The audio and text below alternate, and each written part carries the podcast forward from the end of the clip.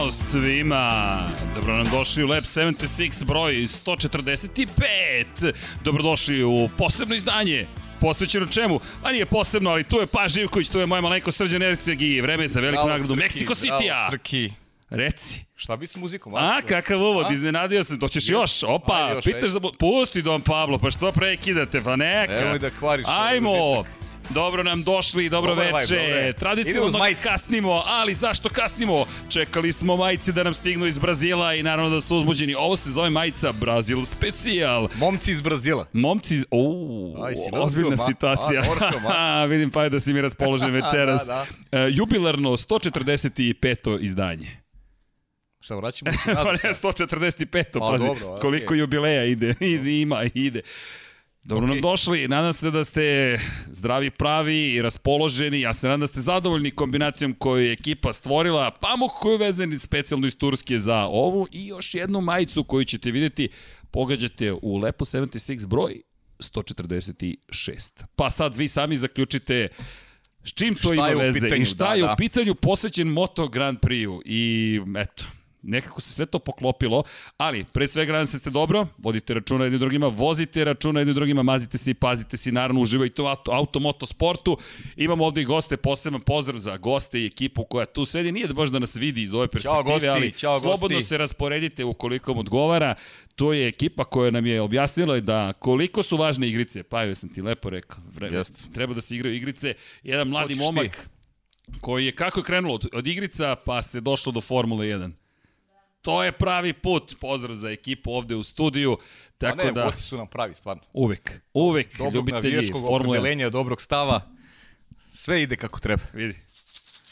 Sve je spremno za žurku u Da. Mexico City, ali pre nego što krenemo, došao je taj mesec, ljudi. Nismo više u roze bojama, ali djevojki dalje. Proverite se, prošao je mesec u kojem podižemo svest o raku dojke. Molim vas, dame, gde god da ste, čime god da se bavite, imate vremena, ja se nadam, ne, morate da nađete vremena da odvojite prosto tih sat i po dva da odete na kontrolu i Prevencija je mnogo važna stvar. Dakle, prvo da ustanovimo da dijagnoza se uradi ukoliko ništa ne postoji super, ukoliko, ne da Bože, nešto postoji, pa što se preotkrije, lakše se i može da se rešava. Tako da, momci, podržite devojke, a kada reč o momcima, stigao je taj mesec kada se puštaju brkovi, evo ja sam krenuo stidljivo, nešto izraslo pa je ovde, ti, ti Ja, si... pa nisi, ja sam probao jak vetar je duo ovaj dan, tako da, Mada, vidi, tako da tebi ne ide, znaš. brkovi, brade, idu uz boju majice, ja mislim. Pa da, Vuče ka idu, tome. idu i uz godine. A Mislim dobro, voziš u 30, Mislim na pazi, vreme je polako. Znaš, sa čet, plus 40 tek se stvari Pa, dobro, promene. okej, vidjet ću. Ali to je Znam, pri, pričao mi polako. kako, polako. Doći pa će, ima vremena za sve. Ne žurim nigde. Da, inače, mi smo rešili da se hidriramo svaki put kada još 100 novih subscribera dođe, tako da uradite like, udrite subscribe i u to ime, evo, za jednu hidrataciju, pa evo, Ajde, ajde. dobro ti meni došao. Vodite našu. Deki nam nije tu, ili igra Liverpool, to si ti pitao. E, proveravao sam ne igra. ne igra Liverpool. Tako da nema opravdanje nikakvo za nedolazak. ali smo mu otkrili Minus. zastavu tamo u pozadini Liverpoola. Pozdrav za našeg dragog Dekija Potkonjaka.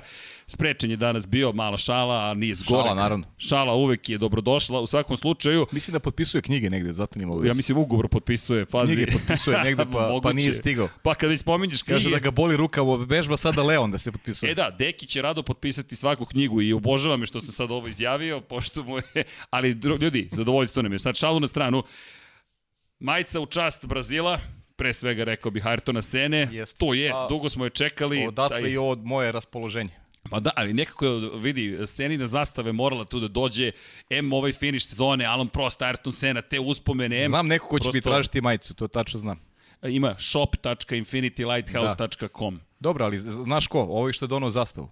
A ne, za njega, za njega posebna Pa, za priča. posebna za njega priča. posebna. Zato za njega kažem. posebna, da. Zato Inače, kažem. čovek koji mnogi ne znaju ime, a znaju ga po nadimku Sena i kažu mi sreo sam Senu, ok, znam koga si sreo, pozdrav za našeg Dušana. Tako je. Tako da, čovek koji obožava Ayrtona Senu, a ko obožava Mihaela Šumahira, to je, inače, ovo je specijalan zahtev, dakle, jedan od najmlađih članova ovde je rekao, znamo u emisiji to i to i stavio ovaj bolid ovde, tako da je to Šumahirov bolid iz 1994.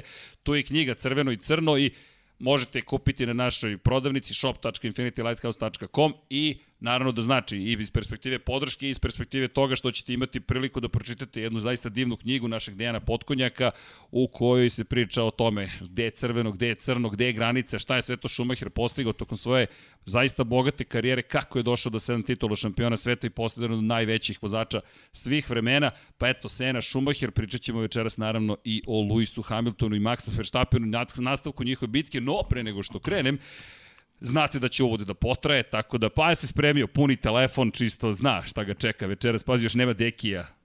E, pa, a u Kelele za Meksiko? Pa dobro, sve, vidim da je sve ovo spremno. Sve je spremno. Si ti spreman, jesi? Kako? Pa znaš i sam. Pa, tu smo, evo ga, petak za čas. I, I u šest nedelja pet trka. No, da se zahvalimo pre toga svima vama. Udrite like, udrite subscribe patreon.com kroz Infinity Lighthouse i mala igra, pogodite koje ime ćemo sledeće pročitati, pošto je bio jedan od zahteva, ajmo da promenimo raspored, tako da sad ni Dom Pablo ne može da zna kada ću i dakle da počnem i šta ćemo da radimo, ali pa, pazi sad ovu igru. Češ sada? Pa da, hvala svima i da krenemo, da se zahvalimo. Ili ima dok... novih? Ima, Ima, zaista je Bravo. impresivno i mnogo vam hvala na divnim rečima, na svemu što, što činite za nas, nama to znači naravno u svakom smislu te reči, tako da veliki pozdrav imate iz cijelog, od celog studija na kraju univerzuma, a da pročitam imena do kraja godine sigurno čitam imena, pa koliko god da vas bude, pa sad ukoliko vam je zabavan ovaj segment, neka vas bude što više. Mogu da kažem prvo ime? Može. Josip Kovačić, Irska, pozdrav za Josipa. Mi se redovno čujemo i znam da je želo da se pojavi na ovom spisku i zato ga pozdravljam, evo ja ovako prvi put. Pozdrav za Josipa. Eto. Pozdrav za cijelu ekipu, svako ko nas je podržao. Ljudi, nini bitno koliko. Dinar, 2, 3, 5 euro, sve jedno nam A je. to je nevažno. Samo je važno da se lepo zabavljamo i uživamo. Pogledajte nam samo 100 večeras. Ja mislim da nismo više mogli ništa da stavimo na 100. Ja mislim da, da možda smo i mogli. Ali dobro, e da i Sony, četvorku smo reaktivirali, zašto? Pa Vanja na petici ovde Mortal Kombat. A fali tu malo, ali... fali tu malo ćevapa, sitni kolača, ali dobro. To je za stotku, nemoj, znaš ko će se pojaviti dobro. sad u četu? Prizivaš Borisa. Garant, au, au, znaš da ide na trku. Znam, pa pisao znaš da ide, aj, jao, ide na trku, ali tome ćemo pa pričati. Pa konsultovali smo se oko mesta koje da uzme, pa mislim, to Sever, je Sever, Boris i čudo. crveno, čudo. ciklama. Imao je, imao je mnoga pitanja, odmah ti kažem. Ja, Verovatno i tebi. ga obskrbio. Pa jes. E, pa yes. onda ništa, ne očekujemo mi ništa osim kacige, postera i tako dalje. Boris, ne sumnjam uopšte ovaj. Ljudi, njegovu viziju. Ali da se zahvalimo svima. Miloš Banduka, Laslo Boroš, Miroslav Vučinić, Predrag Simić, Filip Banovački, Đorđe Radojević, Žorž, Ivan Simunić, Mihajlo Krgović, Stefan Vidić, Omer Kovačević, Zoran Šalamun, Zoltan Mezej, Sava, Toni Ruštić, Aleksa Vučaj, Bonika Erceg, Nikola Božinović, Mladen Krstić, Marko Ćurčić, Jelena Mak, Milan Nešković, Ivan Maksimović, Bojan Mijatović, Marko Bogovac, Stefan Dulić, Ivan Toškov, tu je Ivan Toškov. Ivan On, Toškov? Ej, imam utisak da pravi investitor, dakle, tu je i da vidi da li će sve da bude. Izvinite što smo kasnili večeras, ali imajte razumevanje, Vanja nam nije tu, Don Pablo je jedini solo player večeras i cele nedelje tako, pa Mario Vidović, pa Ozren Prpić, Marko Mostarac, Nikola Grujičić, Nenad Simić, Stefan Privić, Petar Relić, Bojan Mijatović, možda mi da mislim da sam pročitao Bojana dva put, Nenad Divić, Mlađan Antić, Stefan Vidić, Mihajlo Krgović, evo još jednom za svaki slučaj.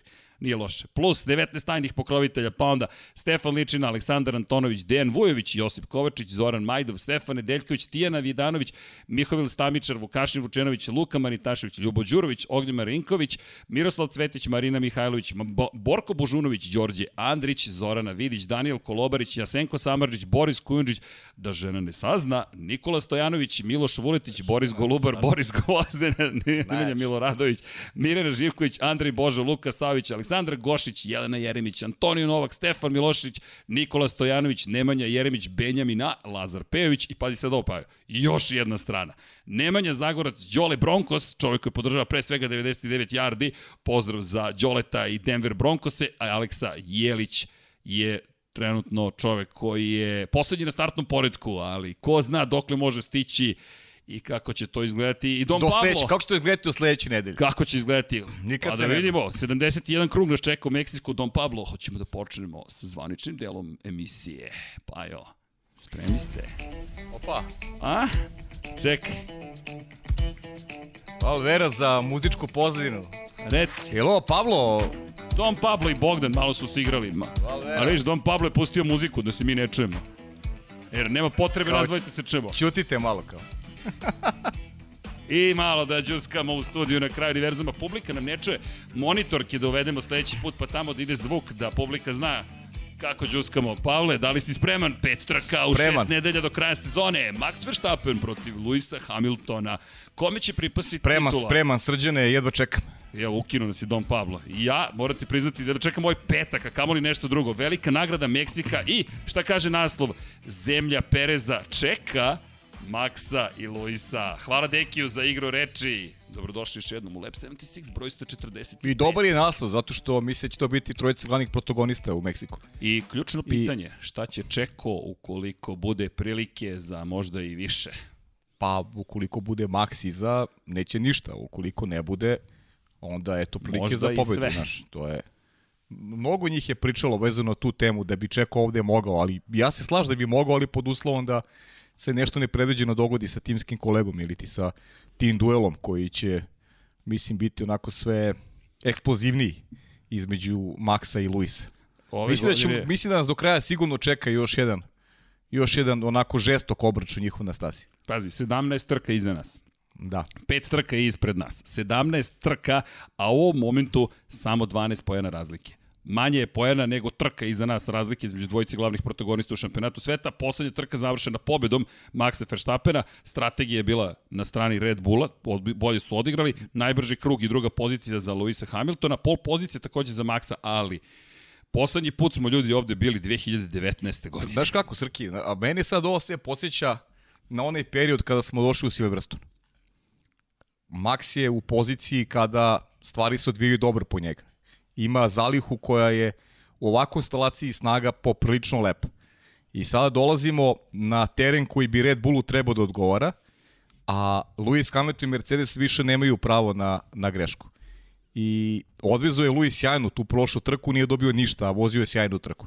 E sada, onako, povećava se taj, da kažem, nivo u igri između njih dvojice. Svaka trka je sve veći ulog i čini mi se da tu sada počinju ne samo psihološke igre, već će na stazi ponovo biti eksplozivno, baš kao što je bilo a, slučaj u Silverstonu. Tako da možemo da očekujemo od Meksika, ali bukvalno svašta. Pazi sad ovo. Mexico City, 7. novembar.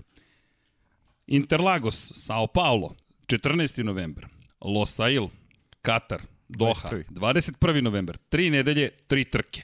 Bum, bum, bum. 75 pojena na raspolaganju. Zatim, samo Samo 7 dana pauze, to jest jedan vikend Jedan odmora. vikend bez trke, da. I onda 5. decembra idemo u Džedu ukoliko staza bude završena, ali cenimo da će Pa, ubrzati mislim- radove i da će se sve Pa završiti. njima je u interesu da to završe, pogotovo u ovakvoj sezoni. cenim da neće štedeti i da će sve završiti. Da je drugačija sezona, možda i ne bi žurili tako. Pazi, sa ovom, sa ovom godinom nema šale, ti moraš da prilika i da se iskoristiš. zaradi i da se promoviše. Džeda na pravi način, Saudijska Arabija, oni to prosto Zamisli koja da će to biti gledanost. I onda, sedam dana kasnije, 22. trka sezone, velika nagrada Abu Dhabija Jas Marina u izmenjenom izdanju. Pri čemu, dakle, mi poznajemo stazu Mexico City. Nismo tamo bili. Braća Hermanos, zapravo Rodriguez, da budem u španskom Jeste. duhu, Autodromo Hermanos Rodriguez. I imamo stazu koju poznajemo, donekle. Prošle godine nismo posetili. Zatim idemo u Interlagos. Da li smo je posetili prošle godine? A dobro, nismo, Nismo. ali Interlagos Tex dobro poznajemo. Pazi sada ovo, Katar, nikada nismo vozili u Losailu. Džeda, još uvek staza ne postoji i dolazimo zatim u Jas Marinu na potpuno novu konfiguraciju staze. Da. Pet trka u kojima idemo na 2000 metara nadmorske visine, idemo na 700 metara nadmorske visine, pa se spuštamo u pustinju, pa ostajemo u pustinji, pa ostajemo u pustinji. I sve to za šest nedelja svi timovi moraju da izdrže. Vozači, verujem da će biti maženi i paženi, verujem da će se potruditi oko mehaničara, inženjera i svih ostalih, ali u tih šest nedelja ko će biti dovoljno precizan u izazovima koje imamo pred nama koji su potpuno neverovatni. Dve godine nismo posećivali dve staze, tri od, od, te, od nas, naredne tri nikada nismo posetili. Zapravo nikada. Jas Marinu u ovom izdanju mi ne poznajemo. Pa mislim da, da, da za vozače, pogotovo za ove najbolje, to ne predstavlja neki veći problem. Možda im je to pomoć. Pa mislim, kako Znaš, bi- možda će ostalima biti veći problem. Pa da, ja mislim da, da ako pričamo o dvojici koji se bore za titulu, mislim da oni uopšte nemaju tu vrstu problema. Naprotiv, pitanje je samo u kom će stanju biti ekipe. A kad kažem ekipe, mislim i na ta dešavanja u, u, u Mercedesu vezano, vezano za pouzdanost agregata, u krajnjem slučaju koliko će biti pouzdani agregat a, Honda. Mi sad pričamo o Mercedesu više zbog toga što su usledile te učestale promene na bolidu baterija Bottasa sa motorom sa unutrašnjim sagorevanjem, ali pitanje je u kojoj meri je izdržljiva i Honda do kraja sezone, jer potrebno će biti maksimum tog agregata uh, Maxa Feštapena da bi, da bi došao do željenog cilja.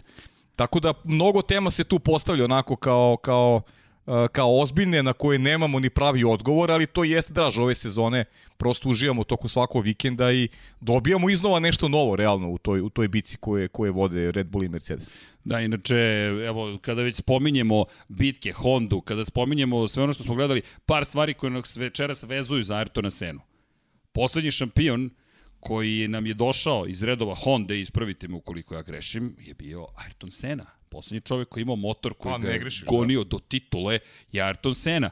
Imamo Senine, to je brazilske majice i javlja nam se deki kaže nemojte zaboraviti Tačno je, period 33 godine bilo pre nekoliko dana kada je osvojio titulu, tu prvu, tako, a pre 30, ako se ne varam, to ne smemo da zaboravimo, Deki je tu, Zagor Tenej, duh koji hoda, je prisutan, pozdrav za Dekija, dakle, mnogo priča o, o, o seriji nas nekako vezuje, a idemo i u Brazil sledeće nedelje i zašto ga ponovo ubacujem priču, pa prosto uvek vredi ubaciti Senu u priču, ali da se vratimo na Hondu i ovo što si rekao, kako će ekipa izdržati. Ajmo malo da pogledamo koje staze nas čekaju. Namerno pravimo uvod za više stvari. Zašto? Ljudi, ulazimo u tempo kada sledeće nedelje budemo radili Lab 76 posvećen Formuli 1.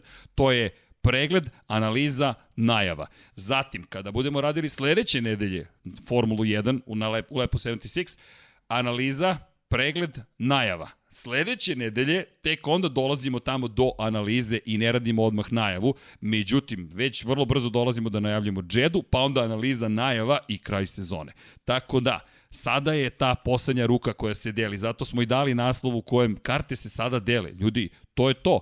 I ovo je vrlo ozbiljan period sezone. Ja jedva kažem što smo, ono što smo rekli, jedva čekam, pa u tri nedelje, možda, možda titula bude odlučena već za tri pa, nedelje. Pa mislim, teoretski može, ja se nadam da neće, iskreno. I takođe. Nadam se da ćemo dobiti odluku Abu Dhabiju, bilo bi lepo, bilo bi onako prava kruna ove sezone u kojoj uživamo u tim partiturama, što Hamiltona, što Maxa Verstappena, mislim, ajde se ne bavimo sad analizama onog što smo videli, nego gledamo napred, jer Tako zaista je, bavi, bilo, bavit ćemo se analizom na kraju sezone, jer ima mnogo tih sekvenci koji su interesantne s obe strane koji bi mogli da reše titulu, ali mislim da je rano za takvu vrstu analize, analize da gledamo samo napred, jer lepo, lepo si rekao, ovo je najuzbudljiviji deo sezone i nije se desilo ove godine da imamo pet trka u šest nedelja, što je zaista kruna kruna za cele priče. kraj godine. Jeste, I, a pritom je sad ulazimo u taj šampionat izdržljivosti praktično. Tih, to je to pet trka u šest nedelja, nisu samo vozači, već i timovi moraju da odrade posao kako treba. A, ajmo ovako. Neće biti lako uopšte. Ko te impresionirao više ove godine, Red Bull ili Mercedes? Pa mislim, mislim da će svako dati isti odgovor. Red Bull zato što oni su prvi koji su naudili Mercedesu na ovakvom nivou i u toliko, i toliko intenziteta sezone, u toliko trka u sezoni. Ferrari je ranije znao da zada udarac, ali sve to trajalo u pola sezone. Sada to traje mnogo duže ako pogledamo e, neko objektivno stanje stvari trenutno, Red Bull zaista izgleda i bolje, neko izgleda pouzdanije. Sada više pričamo o problemima Mercedes. Nije vezano samo za Mercedes, fabrički tim, već i za uh, timove sa koje Mercedes sarađuje. Vidi se da, da postoji neki problem s kraja godine. Tako da Red Bullu tu dajem blagu prednost. Međutim, to iskustvo koje je Mercedes, to iskustvo koje ima Lewis Hamilton i neprocenjivo u ovakvim, ovakvim borbama i ono što sam rekao i u prošlom podcastu, ja i dalje vidim Uh, Luisa Hamiltona kao blagog favorita, ne tako uh, izrazito kao što sam ga video recimo uh, tamo pred Moncu, pa čak i posle Monce, ali sada je ta onako prilika Maxa Verstappena mnogo ozbiljnija, mada on, ono čemu dajem prednost je to iskustvo, kako Mercedesa, tako i Luisa Hamiltona u, u borbi za šampionsku titulu. Max Verstappen uh, nikada ovakvu šansu nije imao, Max Verstappen nikad u ovakvoj prilici nije bio, do sada je posao odradio besprekorno, ali vidjet ćemo, ovo je takođe veliki izazov za njega. Teško je pobediti Lewis Hamilton. Jeste. Najteži rival, definitivno A, ali, je Lewis Hamilton. Zašto ja i dalje gledam ka timovima? Mercedes je taj koji mislim da je napravio da je, ne mogu da kažem više grešaka, ali je nijansa pripala Red Bullu. To smo videli sada u Sjedinjim američkim državama.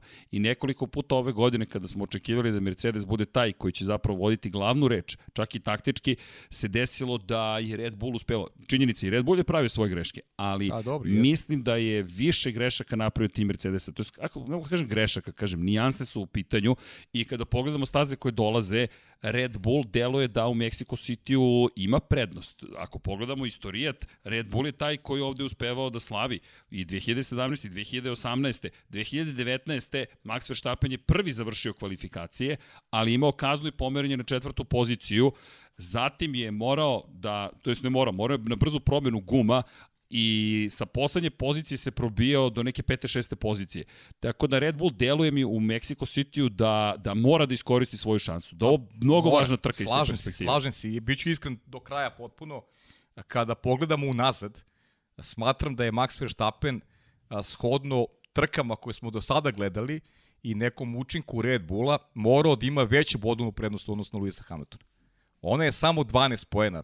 Jeste u ovoj fazi godine deluje to i poprilično, kao što sam rekao u uvodu ovog podcasta, ali čini mi se da, da je Max Mord ima veću prednost. I opet je to neka priča koja može u finišu da, da ponudi više mogućnosti Lewisu Hamiltonu i dalje ga drži konkurentom za osvajanje šampionske titule i kažem, negde očekujem da ćemo do kraja sezone ponovo gledati taj duel. Videli, videli smo da nema popuštenja niko od jednog i kod drugog, a siguran sam da će biti ponovo u prilici da da u tom direktnom duelu možda vidimo i nešto se što izlazi iz nekog kodeksa, možda i sportskog, jer ulog je ogroman i kad je ulog ogroman, tu popuštanje jednostavno nema. I ne sme ni da bude u krajnjem slučaju. To je borba za šampionsku titulu, vratimo se u vreme Sene i Prosta, tu nikada nije bilo popuštanja. Ne, ne, ovo je super zabavno, pazi, sve ostale teme, bitka za treću poziciju, ko je gde u šampionatu konstruktora, doći će na red, ali čak postaje jednolično iz te perspektive pozitivne Zna se o kome ćemo pričati i šta ćemo pričati. Verstappen protiv Hamiltona, kakva se fantastična sezona i sad već počinju raspred, da li je ovo jedna od najboljih sezona ili nije, da sačekamo mi ovih pet trka, onda ćemo znati gde smo. Jer ukoliko se osvoji titula tri trke pre kraja, pa to menja pogled na ovu sezonu, ali ukoliko sve bude rešeno u Abu Dhabiju. Mora ti priznam da, da meni ne menja, čak i da se reši tri trke Misliš da je ipak već zaslužila? Mis, mislim da je zaslužila epiteti jedna od najboljih.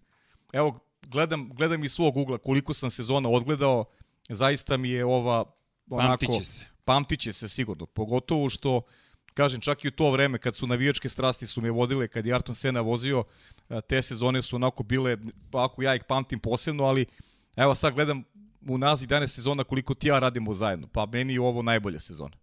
Jeste, ovo je najuzbudljivija. Meni ovo najbolja sezona. Pričamo tu je negde sa 2012. Ja bih je A, dobro, tu stavio. Ali, dobro, da, 2012. Ali drugačija je bila. Tamo pa, smo imali mnogo timova. Nije se, uh, raspantala se bitka, pa znam, ali, bitka tek ali, na kraju Ali drugi sezone. deo sezone nije bio toliko, nije bio toliko ali, zanimljiv. Dobili smo dve, i prvo, do, uslovno dominacija. Uspesi, nevjerojatni uspesi Fernanda Alonso, korišćenje svih prilika, velika prednost, onda pehovi incidenti, uspesi Sebastijana Fetela i veliko finale. Drugačije je u odnosu da, na ovu godinu. Ta 2011. je bila, je bila super 2010. je bila super. 2010. je bila posebna. Bila posebna, ali 2010. je sezona u kojoj eto, nismo mi prisustvovali 2010. kao, mislim, kao komentatori, ali je 2010. recimo bila super sezona. Mislim da posle 2010. da je ovo definitivno najbolje. Opa, otpade magnet. Pa ako tebe magnetno polje čudno radi. Nešto se dešava. Pazi, magnet je pao. To je u redu sasvim. Odbija nešto majica, nešto. Da, ma... Neki magneti. magneti. Neki magneti. ali, ali pazi sad ovo, Ivan Božanić, inače donirao 500 dinara, pozdrav za Ivana, kaže pozdrav majstori, vaše Hvala. mišljenje u vezi podešavanja bolida za predstojeću trku. 2000 metara nadmorske visine, šta činiti, veliki pozdrav za sve kurire brzih pošta. Pozdrav za kurire brzih pošta. Pa, ovo namerno ubacujem sada jer ovo jeste jedno od tih glavnih tema i to, o tome smo pričali već pre nekoliko nedelja. Kada dođemo u Meksiko, šta će se događati? Meksiko je, Meksiko City je na 2000 metara nadmorske visine i jedinstvena je trka iz te perspektive. 71 krug mi ovde imamo. Možda imamo čak jedno od grafika Pirelijevih gde se vidi staza i optilike koje opterećenje tu postoji kada je reč o samoj stazi. Dom Pavlo, ne znam da li ste uspeli da vidite, u sredini je grafik, eto, broj krugova, 71. Inače, Pirelli još niste ovo da izbaci za ovu sezonu. Nadamo se da hoće. I kao što možete videti, 4304 metra, kasnije ćemo odvesti trku, ej ljudi, čak sam ja uspio da odvezem pristojan krug, tako da to nešto govori i o našim veštinama, ne samo o samoj o, o pisti. Međutim, visoke maksimalne brzine, očekujemo ono super tanko mršavo krilo da se pojavi ponovo kod Red Bulla, međutim, ovo je opterećenje za turbo sistem. Zašto? Pričali smo o tome, komprimuje se vazduh, morate da podignete nivo, stepen kompresije i mnogo više. Mercedes tu nije najbolje prolazio. Zašto? Niži je nivo prosto gustine vazduha, kiselnika je manje u vazduhu. Samim tim da biste nahranili motor, morate i tekako da naterate turbo kompresor da radi tu je Mercedes uglavnom trpeo. Ako pogledate prijanjanje, dakle, ako pogledajte, nizgon, to je novi termin koji sam naučio, hvala mašincima, pozdrav za maš, mašinski fakultet, tako da, ako pogledamo downforce popularni, to je nizgon, malo da učimo, da, da, da uvodimo neke nove reči, dakle, pet je na najvišem mogućem nivou, to odgovara Red Bullu. Ako pogledamo abrazivnost asfalta, 2 od 5. Zatim, bočna opterećenja, 2 od 5. Opterećenje generalno za gume, trojka od, od petice i prijanjanje je na dvojici od pet. Dakle, kada go pogledamo samu stazu, deluje da će sve ove variable uticati pozitivnije na Red Bull. I kao što smo videli, na primjer, u Austriju kada se ode, Red Bull tamo ima mnogo više uspeha. Opet preko 700 metara nadmorske visine. Zato im dajem prednost do nekle i u Brazilu. Međutim, ako pogledamo još jednu zanimljivu grafiku, a to je, to je promjena guma, to je jedino što imamo od pre dve sezone, vidjet ćemo zapravo nešto što pa ti stalno komentarišaš i ove i prethodnih godina. Koliko je Mercedes dobar na srednje tvrdim gumama. Lewis Hamilton u 23. krugu menja i vozi do 71. kruga. Verstappen silom prilika je morao da promeni u petom krugu posle kontakta sa Valterijem Bottasom, šesti je završio, ali pogledaj koliko je to, to je 66 krugova na jednom setu pneumatika, da, razlikuju se gume, drugačiji su bolidi, međutim ovo je neka vrsta informacije u okviru priprema za ovu trku. Sebastian Vettel u to vreme vozač Ferrarija, na pobjedničkom postoju su stali dva Mercedesova vozača i jedan Ferrari vozač i predivne su slike, inače Mexico City, da ne zaboravimo, to je žurka ljudi, zašto nam je isto ovako popunjen. Na stranu cela ova bitka, ono što je fenomenalno, jeste stadion, dakle taj sunčani stadion u koji prima 55.000, pogledaj ovo pa, Pa kako, ovo je fantastično. Naravno moraju da vode računa, inače ovaj stadion je bio i, i COVID bolnica u prethodnoj godini, tako da ima ceo istorijat i, i dobar i ne tako dobar. Inače koristi se i za utakmice bejsbola i ovo je taj pogled koji smo dobili pre nekoliko godina kada se Meksiko vratio u kalendar, prosto izgleda spektakularno. I ovde imate priliku iz jedne neverovatne perspektive da posmatrate bolide i sad na sve to dodaj Serhija Pereza koji ima pobedu ove godine, pobedu prošle godine, prvi put kao pobednik stiže u Meksiko, dva Red Bulla na stazi koja im odgovara, a ovo je pogled, hvala Don pa, Pavlo. Ovo je, ovo je, ta publika će biti i vetar u leđe i Maxu, Red Bull će imati podršku, mislim, svesti su, ih. Meksikanci poznaju jako dobro formulu, poznaju prilike i znaju kakva je uloga Serke Perez u ovoj trci, tako da u tom pogledu je još jedan benefit eh, za, za, za Red Bull, taj odlazak, eh, odlazak u Meksiku i dobra forma čeka koju je najavio pre dva vikenda, tako da ovako iz ove perspektive Red Bull odlazi sa jednim onako, sa jednom povlačenom situacijom definitivno, sa, sa dobrim e, nekim fokusom, sa dobrim stavom, sa, sa pobedom koja je izvojevana na terenu koji objektivno nije njihov, ali opet si lepo naglasio, Red Bull ovde mora da iskoristi prednosti. Ono što je Yamamoto pričao pred prethodnu trku da očekuju od Red Bulla upravo pobede jedna od pobjeda koja je projektovana u toj borbi za šampionsku titulu je, je Meksiko. Pa da vidimo da li su kadri da pobede onda kada to moraju, onda kada, eto Mercedes nije pobedio kada je to morao u Americi, gde su imali zaista prednosti, oni su samo na pravcu toliko bili brži, Luis je toliko bio brži na pravcu Maxa Verstappena da, da, da je ta trka Maxova e, pa jedno od najboljih u karijeri koju izvezao, definitivno. I to u momentu kada a, mu je dobar rezultat bio neophodan, on je pobedio. I vidjet ćemo koliko će to da se reflektuje i na stav Mercedesa, nastavak sezone, jer pričam sad o nekim manama možda u finišu Red Bulla. Ta mana podrazumeva jednu ozbiljnu stanku. Najteže je pobediti rivala koji diminira dugi niz godina. Naneti mu taj, taj prvi udarac. Red Bull je na tom putu, ali ih sada čeka najteži e, deo procesa. S druge strane, Mercedes opet u prilici prvi put da ulazi u finiš sezone sa, sa bodovim deficitom.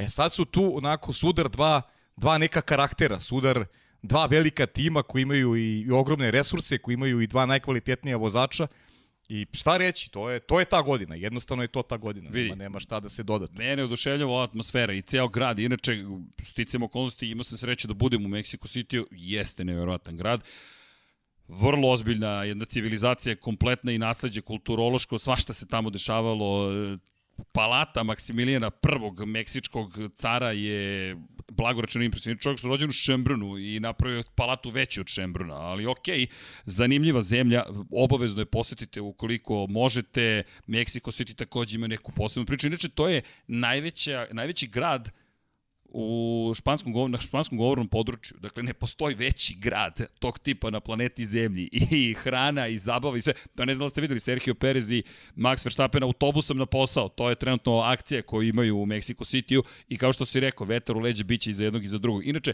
šta mi je zanimljivo, 2019. kada je Max Verstappen prvi put počeo da, da osvaja pol pozicije, uspeo ovde da bude najbrži. I ono što si rekao, da se ne vraćam, ali sve si lepo rekao. I Helmut Marko i Moto, svi su rekli, ovo je ta trka i zato mislim da si lepo rekao, evo ga taj moment. Pazi, on je dobio nagradu za pol poziciju, ali nije mu pripala pol pozicija. Da. Charles Leclerc inače startovao prvi u Ferrariju, neko drugo vreme za Ferrari, doći ćemo i do Ferrarija.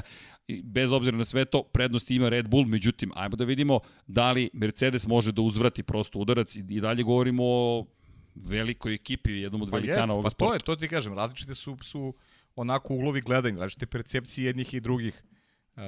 Red Bull koji želi da prekine dominaciju, nalaze se pred ciljem Mercedes koji želi da zadrži uh, i ono što je rekao bih siže onoga, kaže što smo gledali, uh, gde, šta može da bude mana Red Bulla, što je ta bodovna razlika skodno vožnjama Maxa Verstappena i kvalitetu tima morala, rekao bih da bude, da bude veća ovom sezonu, da je, da je neko Luis iz različitih e, razloga i dimenzija gledanja sezone uspeo da nadoknadi neku razliku koja je bila u jednom trenutku i suviše velika, pa čak i da preozme u šampionatu, Max se vratio i sad ponovo dolazimo u tu fazu godine kada Max ima lepu prednost, a Luis jednostavno mora da odgovori. Luis ne sme da gubi od Maxa Verstappena, jer svaki novi poraz od njega znači ozbiljan korak unazad u ambicijama da se osvoju ospa šampionska titula.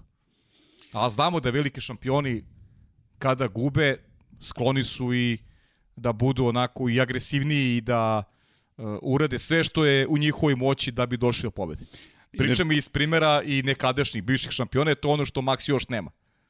Još nema tu titulu, još nema tu, tu vrstu iskustva kako da se kako da se eventualno obrni od, od, od tih situacija. I vidjet ćemo kako će reagovati na to. Inače, samo da podsjetim, ove nedelje od 18 časova i 30 minuta krećemo po našoj centralno-evropskoj zoni do 19.30 prvi trening, zatim od 22.00 do 23.00 je drugi trening, u subotu krećemo od 18.00 do 19.00 treći trening, kvalifikacije 21.00 u subotu, 22.00 kraj i trka je od 8 uveče, 20.00. Inače, ovoga vikenda imate i NASCAR, imate i Moto Grand Prix, da, imate čemu da se radujete. Na, NASCAR, ove nedelje, ove nedelje NASCAR posljedna sezona, posljedna trka u sezoni. Tako je. Borba za titulu. Borba pričamo, za titulu. Pričamo, pričamo na, na kasnije, ali samo da. da kažem, imate ispunjen vikend ukoliko ste ljubitelji auto, motosporta, zaista imate čemu da se radujete. M Meksiko, M Portugal, M na kraju dana Phoenix u Arizonu idemo pa da vidimo kome će pripasti titula najbržeg u NASCAR kupu. Inače pozdrav za našeg kolegu Luku Spasovskog i njega ćete upoznati, ja se nadam ove sezone, vidjet ćemo. Pa trebalo bi sledeće da. Pa da, ali potrudit ćemo se pa, do Luka takođe dođe. Pozdrav iz naših džanki, on je radio sad NASCAR ovog vikenda. Jeste. Da, on je radio NASCAR u Martinsville. Da. Martinsville je radio džanki, bio nam je prošle nedelje. Jel bio je, da, bio, bio, da, bio, bio, bio, da, bio je u sredu, tako imate pozdrav Aleksandra Đankića.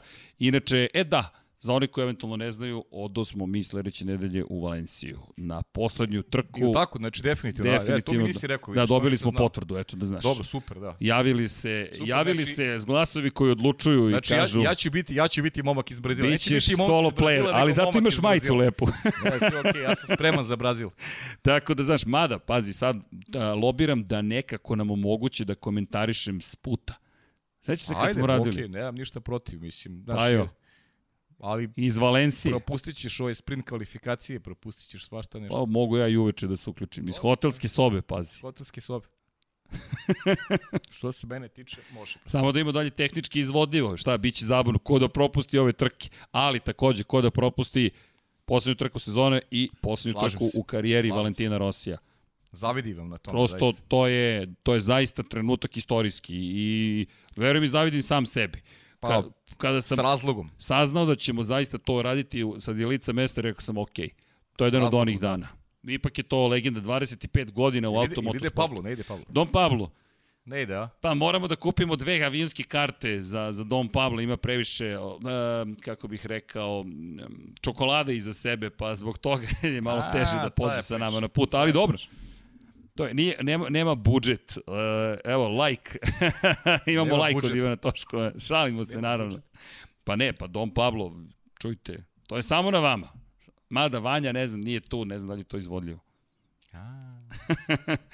Teška Dom Pa- priča, Pazi znači. kako mi stavljaš pred svršen čin, pa šta sad da Teška kažem? Pa priča. naravno da može da ide Dom Pavlu, bit će nam zadovoljstvo. Ali samo onda spakujemo ceo sto, sve ovo i radimo podcast ispred staze. U, to bismo mogli. Gde piše Ricardo Tormo, stavimo sto, dve stolice, dva mikrofona, dvoplan samo, nema ni switchera ni ništa Onda mora i deki da ide. i pa mora i deki. A ako ne ide deki, mora džanki. Mnogo zahtevno, mnogo zahtevno. Mnogo je to ljudi. Pa ne, a onda ceo čarter let za Valenciju. No da se Čarter let. da, pa da. Ko stiže? Pa novinari stižu. Lab 76 ekipa i sport klub. Ne, super, lepa vez, zaista, eto. Nisam znao i Jeste. Super. Moram ti reći da, da smo, da, da, da, da je to baš ozbiljan ponos. Jer jednostavno radiš toliko dugo nešto i onda dođeš u situaciju da, da se to, to je bukvalno na nivou Jordan ide u penziju. pa Bukvalno. I ti znaš da mu je to poslednja utakmica. Kažeš, jeste, okay, slažem se, da, da, taj, taj level je baš. to, to je taj nivo, Sad bukvalno. sam teo kaže da je ovo možda i i veći, jer neku identifikacija sa sportom Jeste. baš postoji sa Valentinom Rosijem, Jeste. a kad kažeš košarka možda nađeš još Jeste. Nekih uzoraka koji su onako vrlo ozbiljni u, i u poređenju čak i sa Letićem Majklom, tako da ovo je baš jedan ozbiljan nivo. Jeste, i prosto to mora da se učini. Kao što, inače, samo da otkrijemo jednu malu tajnu. Radili smo mi na tome da ekipa bude i u Abu Dhabiju. Pa ajde, možemo sad pričamo Možemo o sad tome. otkrijemo to. To je bila velika želja i Da, radilo se na tome i čak nije to uopšte do nas. ovoga puta do- nije do nas. To bi se i dogodilo, međutim, moramo da čekamo neka druga vremena ponovo, tako da nećemo ovaj, imati priliku dužio posmatramo završen sezone, ali nadam se već naredne godine da će se stvari u tom pogledu a, promeniti i da ćemo biti deo Formule 1, pa makar na jednoj trci, ajde da budemo, da budemo skromni za početak, pa, da pričamo o Toliko jednoj trci, možemo ali- da otkrijemo. Jednostavno reč o COVID protokolu ove godine, samo televizije koje su pokrivale sve trke su imaju pravo pristupa i na to se svelo na kraju dana i rekli su ljudi zaista želimo, ali početkom godine doneta takva odluka. Međutim, mi smo započeli stvari tako da očekujte na sledeće godine negde Da. negde širom sveta. Pa evo, na koju trku treba otići? Pa, mislim, pričamo o tome stalno, a treba otići na Na bilo koju. Pa da, Ajmo treba za za početak početak otvoriti koji. vrata neka, a baš, Biće. možemo da pričamo sad o stazama koje nam... Ajmo u Japan, recimo, znaš. U, daj, dajte mač, dajte Ajmo katanu Japan, odmah. ajmo, idemo u Pa ne. Suzuka, recimo. Eto. Suzuka. O, I znaš pa da ću ja da izaberem te staze, Suzuka, Belgija, Monza, Monza, to je to. te kultne staze ću radije da biram nego, nego neke koje je dizajnirao Herman Tilke. Vrlo, vrlo direktno u duhu pa je Da. Živkovića. Pa da budem iskren, eto. Pa, kao i uvijek.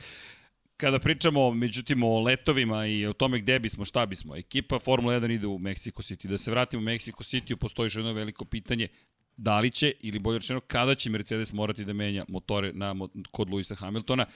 Svi smo pitali ponovo i dali su odgovor još jednom iz Mercedesa zašto je kod Valterija Bottasa ponovo menjan motor. Samo su rekli iz prosto predostrožnosti. Jednostavno moramo da povedemo računa. Ja sam duboko ubeđen da na Valteriju testiraju šta sve može tu da se desi i koji Pa rizik je, za pa motor. To je sigurno, mislim da, verujem da a DVD su i tako razmišlja, da je prosto poenta je da sve sa bolidom Luisa Hamiltona bude kako treba.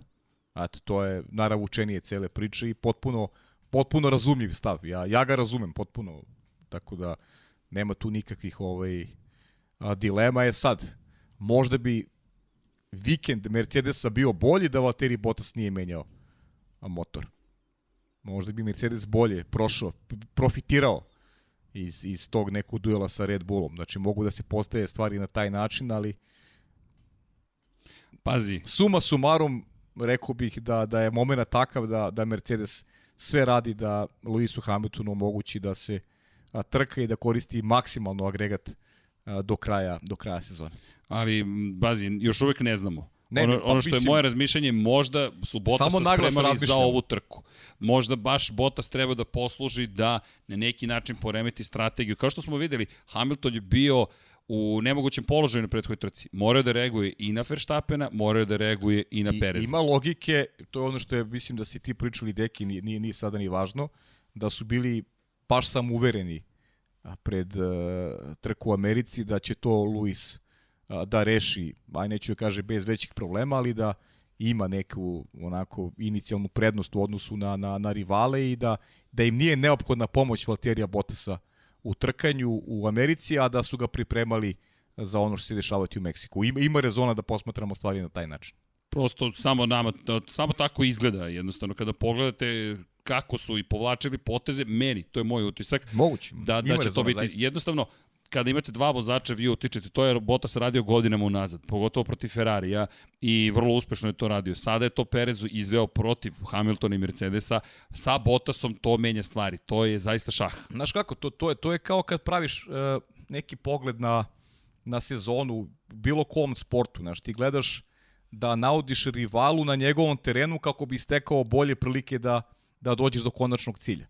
E, to je ono što, što nam je donela Amerika, da je Max došlo do očekivanog triumfa i sada ovde se očekuje da, da, da Red Bull, da Max imaju, da imaju prednost. E, vidjet ćemo kakav će odgovor biti Mercedes. Bojim se ako ne bude odgovora, da su šanse nemačkog tima, sad nisam mnogo pametan što to kažem, naravno, ali uh, ostaće četiri trke do kraja, neka bude Max prvi, a Luis drugi. Dolazimo srđene do nekih uh, 19 bodova viška. To je sada to je gotovo, To je gotovo cela trka. To je za četiri pre kraja, to je zaista velika razlika. Baš velika razlika. Tu onda u četiri trke mora da se dogodi nešto krucijalno. Max možda vozi te četiri trke a relativno mirno. Ima, ima, ima benefit da u četiri trke uh, tri puta bude drugi i da ne razmišlja previše. Šta onda mora da uradi Mercedes sada i u Brazilu? Ukoliko Max pobedi u Meksiku, Lewis Hamilton ima samo jednu opciju. Mora pobedi u četiri trke da bi mogao sa sigurnošću da kaže da će biti svetski šampion. U četiri trke. Pa u četiri trke pobediti iz redom. Aj pobedi četiri trke. U ovakvoj sezoni. U takvoj sezoni. Pa ne, ako to uradi, to je... Jer, jer nema kako, čemu dalje da diskutujemo. Ko, koja prepostavka? Da Max recimo bude drugi u sve četiri trke, tako bi Lewis Hamilton osvojio titulu. Da pobedi sva četiri puta, da Max bude drugi.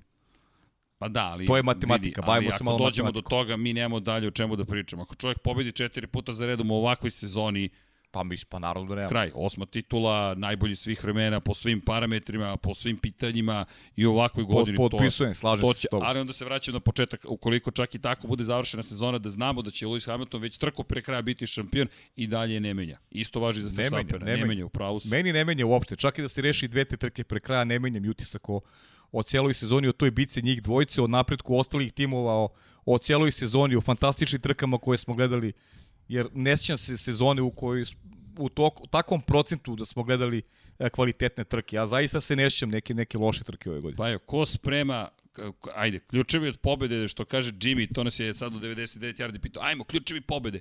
Ključevi pobede, mislim da da za Mercedes više leže u vozaču broj 2 nego za Red Bull. To je moj utisak. Da, Mercedes ukoliko želi u ovom trenutku da triumfuje na stazi koja mu manje odgovara i ukoliko želi da nadigra Verstappena koji je čak i sam uspevao da pobedi, setimo se francuski, samo setimo se ove prethodne trke, pa konačno i Zandvorta Pereza nije često, više Pereza nije bilo nego što ga je bilo.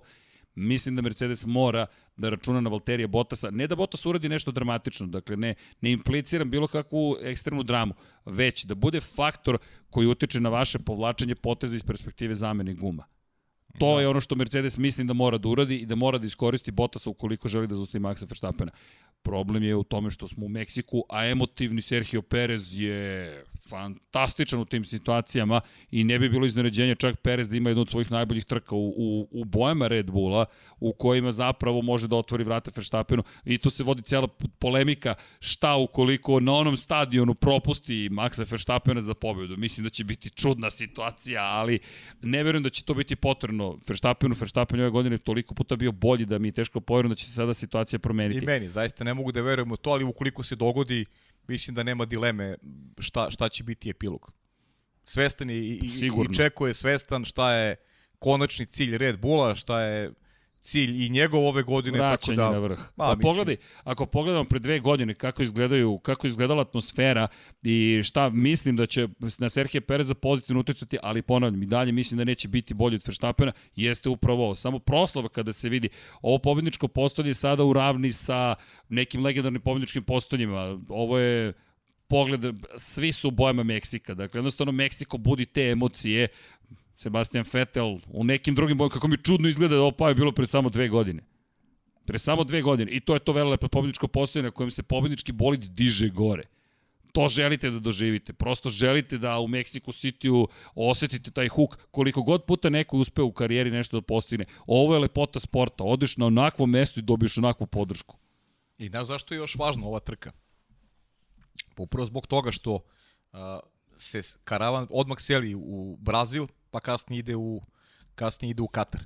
Jer ovde kad izgubiš, a ko izgubi ovde, uh, potpuno ugao gledanja će biti biće drugačiji. Pobednik dobija još veći nalet, dobija dobija taj naboj takmičarski, dobija samopouzdanje, e, jer nemaš vremena uopšte da razmišljaš onome što je bilo, nego ideš dalje, ideš u novu trku, a mnogo ti je lakše da ideš dalje kada imaš samopouzdanje, kada imaš vetar u leđa, a vetar u leđa donosi triumf upravo na ovakvoj stazi pred ovakvim navijačima koji će popuniti tribine tokom sva tri dana i ta energija koju pobednik bude osetio, koju pobednik bude dobio, mislim da će mu dati ozbiljne šanse da, da u nastavku sezone uh, na krilima potencijalnog triumfa uh, završi sezonu kako, kako želi. Tako da ja mislim da je ova trka jako važna u, u, u percepciji gledanja kompletne sezone to tačnije njenog nastavka. Dobro, dakle, morate da gledate ovoga vikenda trku. Morate da gledate pa, trku.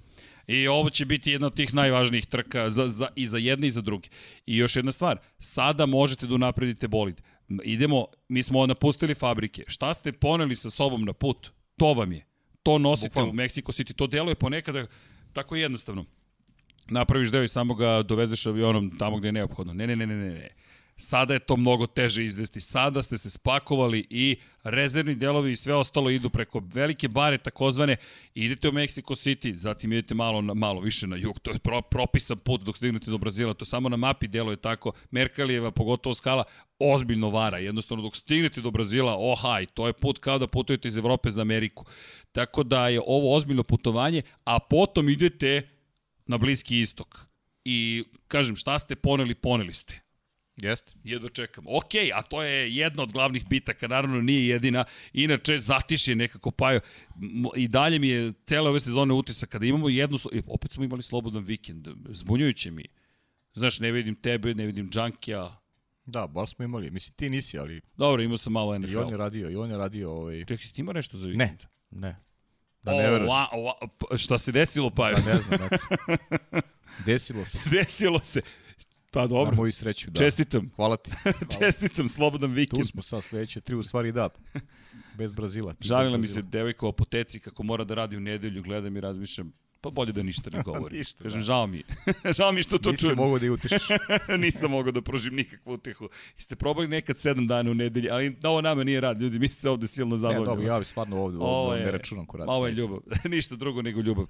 Kad smo kod ljubavi, da, kao što smo već rekli, podrška, udrite like, evo Ivan mi, Ivan mi, da ste uradio? Na telefonu je napisao udrite like velikim slovima i sad mi diže suflira mi da... Udrite like za Ivana, Tako molim vas, Ivan Toško je tu i drži mi bukvalno ovako, samo kad stavi aplauz, onda će da krenemo u aplauz. Ali dobro, to je, to je naš Ivan, pozdrav za njegovu lepšu polovinu. Spremamo vam posebno iznenađenje za poslednju trku sezone. Tek to je da čekam da vam otkrijem. Ali evo, do, ej, nema deke, nema kod da me učutka za stolom. Sad će on da se oglasi. Preko Whatsappa, Vibera, četa i Slacka. Ali i deki javi se ukoliko si u četu tu negde, ukoliko nisi veliki pozdrav dade. Ej, ljudi, ali imamo mi još priča ovde. Valtteri Bota, Sergio ali Perez. Tek smo krenuli. Pazi sad ovo. 35 pojena razlike razlika nije nenadoknadiva da budeš treći u šampionatu sveta. Cenim da to pa, i znam, lepo zvuči, a imaš pa, i bonus. Pa da, ali misli koga briga za to, stvarno. Okej. Okay. U, u toliko reči ja bih završio ovu priču pa, o da. borbi za treće mesto u šampionatu pa, sveta. Mnogo je, mnogo je važnija ta bitka, ta potencijalna bitka njih dvojice koje će da pomogne Luisu ili Maxu. Mislim da je to veća priča i možemo da posmatramo taj njihov duel iz tog ugla. I mislim, sudeći po dosadašnjem toku razgovora da obojice dajemo prednost Čeku Perezu u Meksiku. Ne samo što je pred Meksikancima, već i zbog činjenice da je nekako forma usponu, da je i prošle godine bolje u drugom delu sezone. Tako da je to, mislim, krucijalna stvar. Ko će više pomoći uh, vozaču broj 1? Da li, da li Čeko, da li Botas? Ja tipujem u tom pogledu na, na Meksikanca. Mislim da je on taj koji će imati više utice na trku, samim tim da, da će dati veći benefit, benefit Maxu Verstappenu, bez obzira na tu našu analizu, tačnije tvoju s kojim se zaista slažem i priznajem da nisam razmišljao to u tom smeru da je Mercedes negde pripremao Valterija za Meksiko, ima logike u, onome što si rekao, tako da a, biće tu interesantno, ali, ali Čeko je taj koji, koji se više pita. U Meksiku. U Meksiku, da.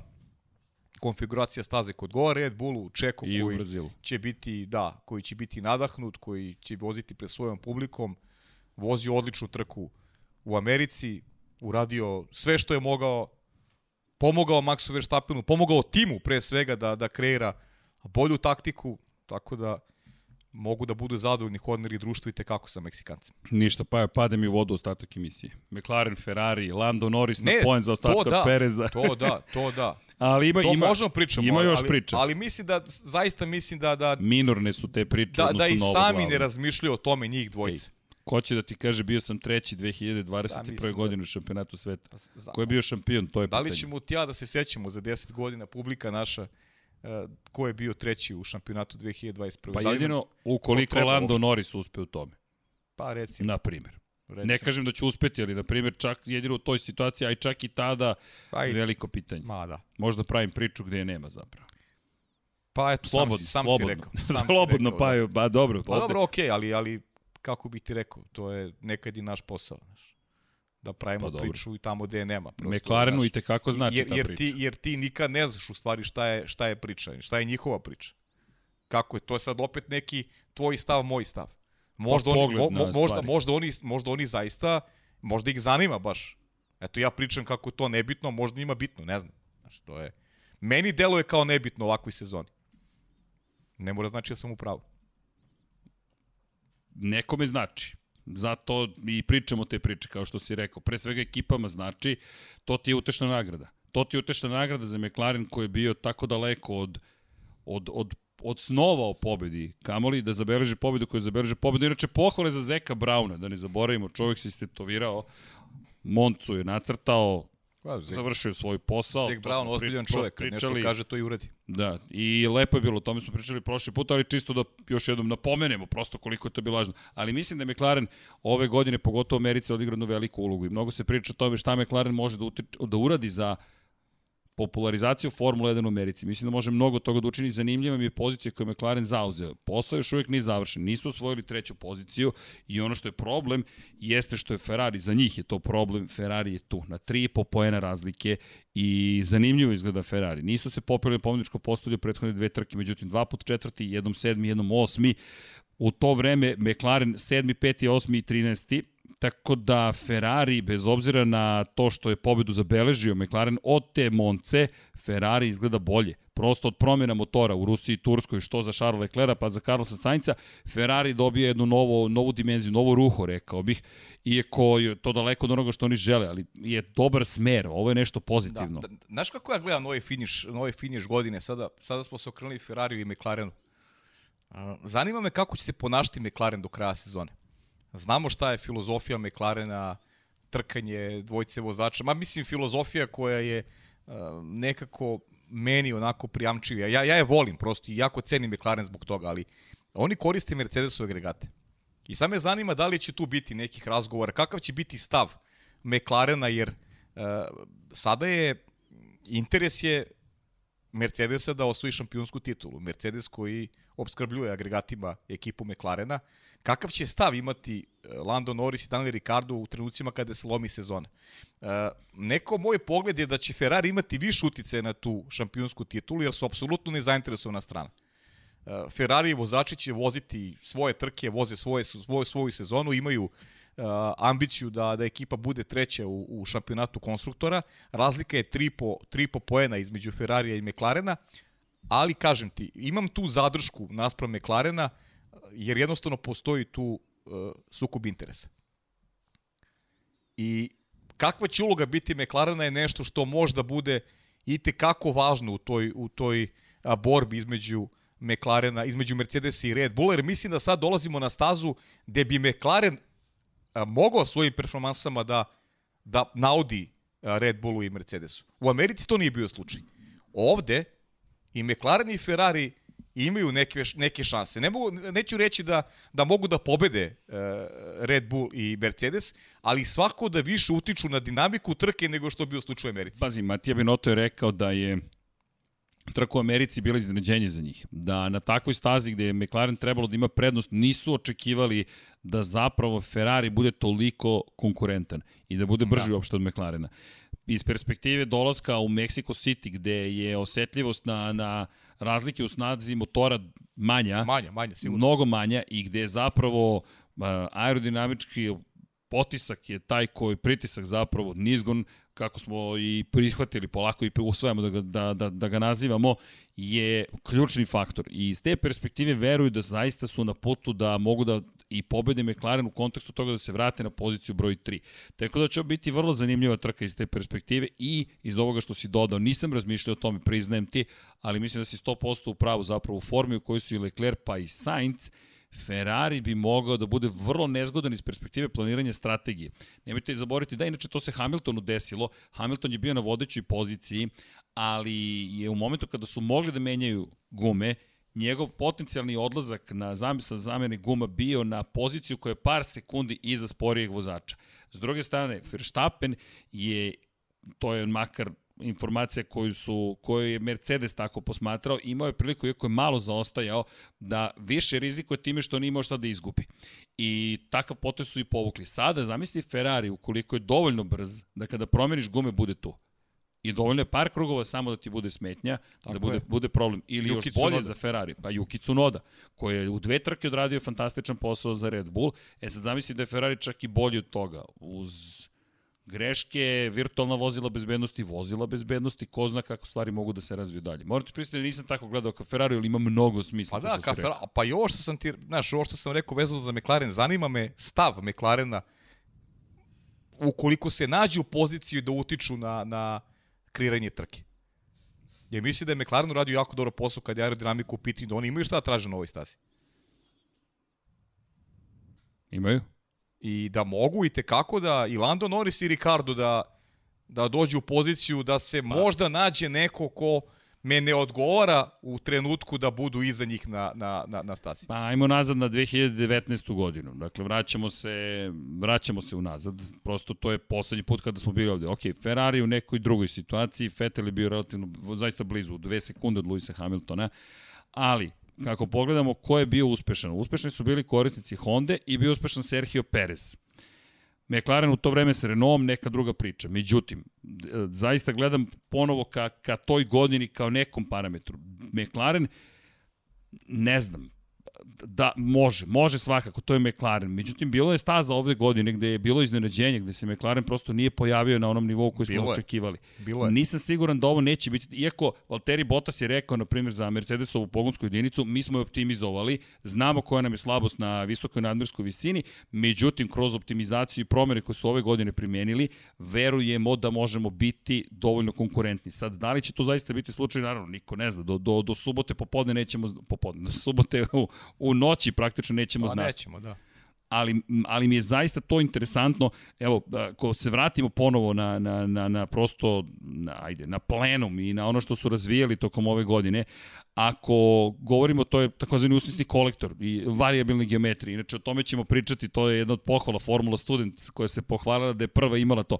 E, zašto govorimo o plenumu toliko? Govorimo o uh, usisnom kolektoru koji igra veliku ulogu ove godine. To je nešto što možete vidjeti od početka sezone, što je ogromno na Mercedesovom motoru, zato je oplata onako nabrekla praktično, da bi mogli kompletan plenum da spakuju i sad veruju da će to ovoga puta pomoći. Ali ja se vraćam na Austriju. Pa evo, kako su ti izgledali Mercedesi, pa i McLareni u Austriji.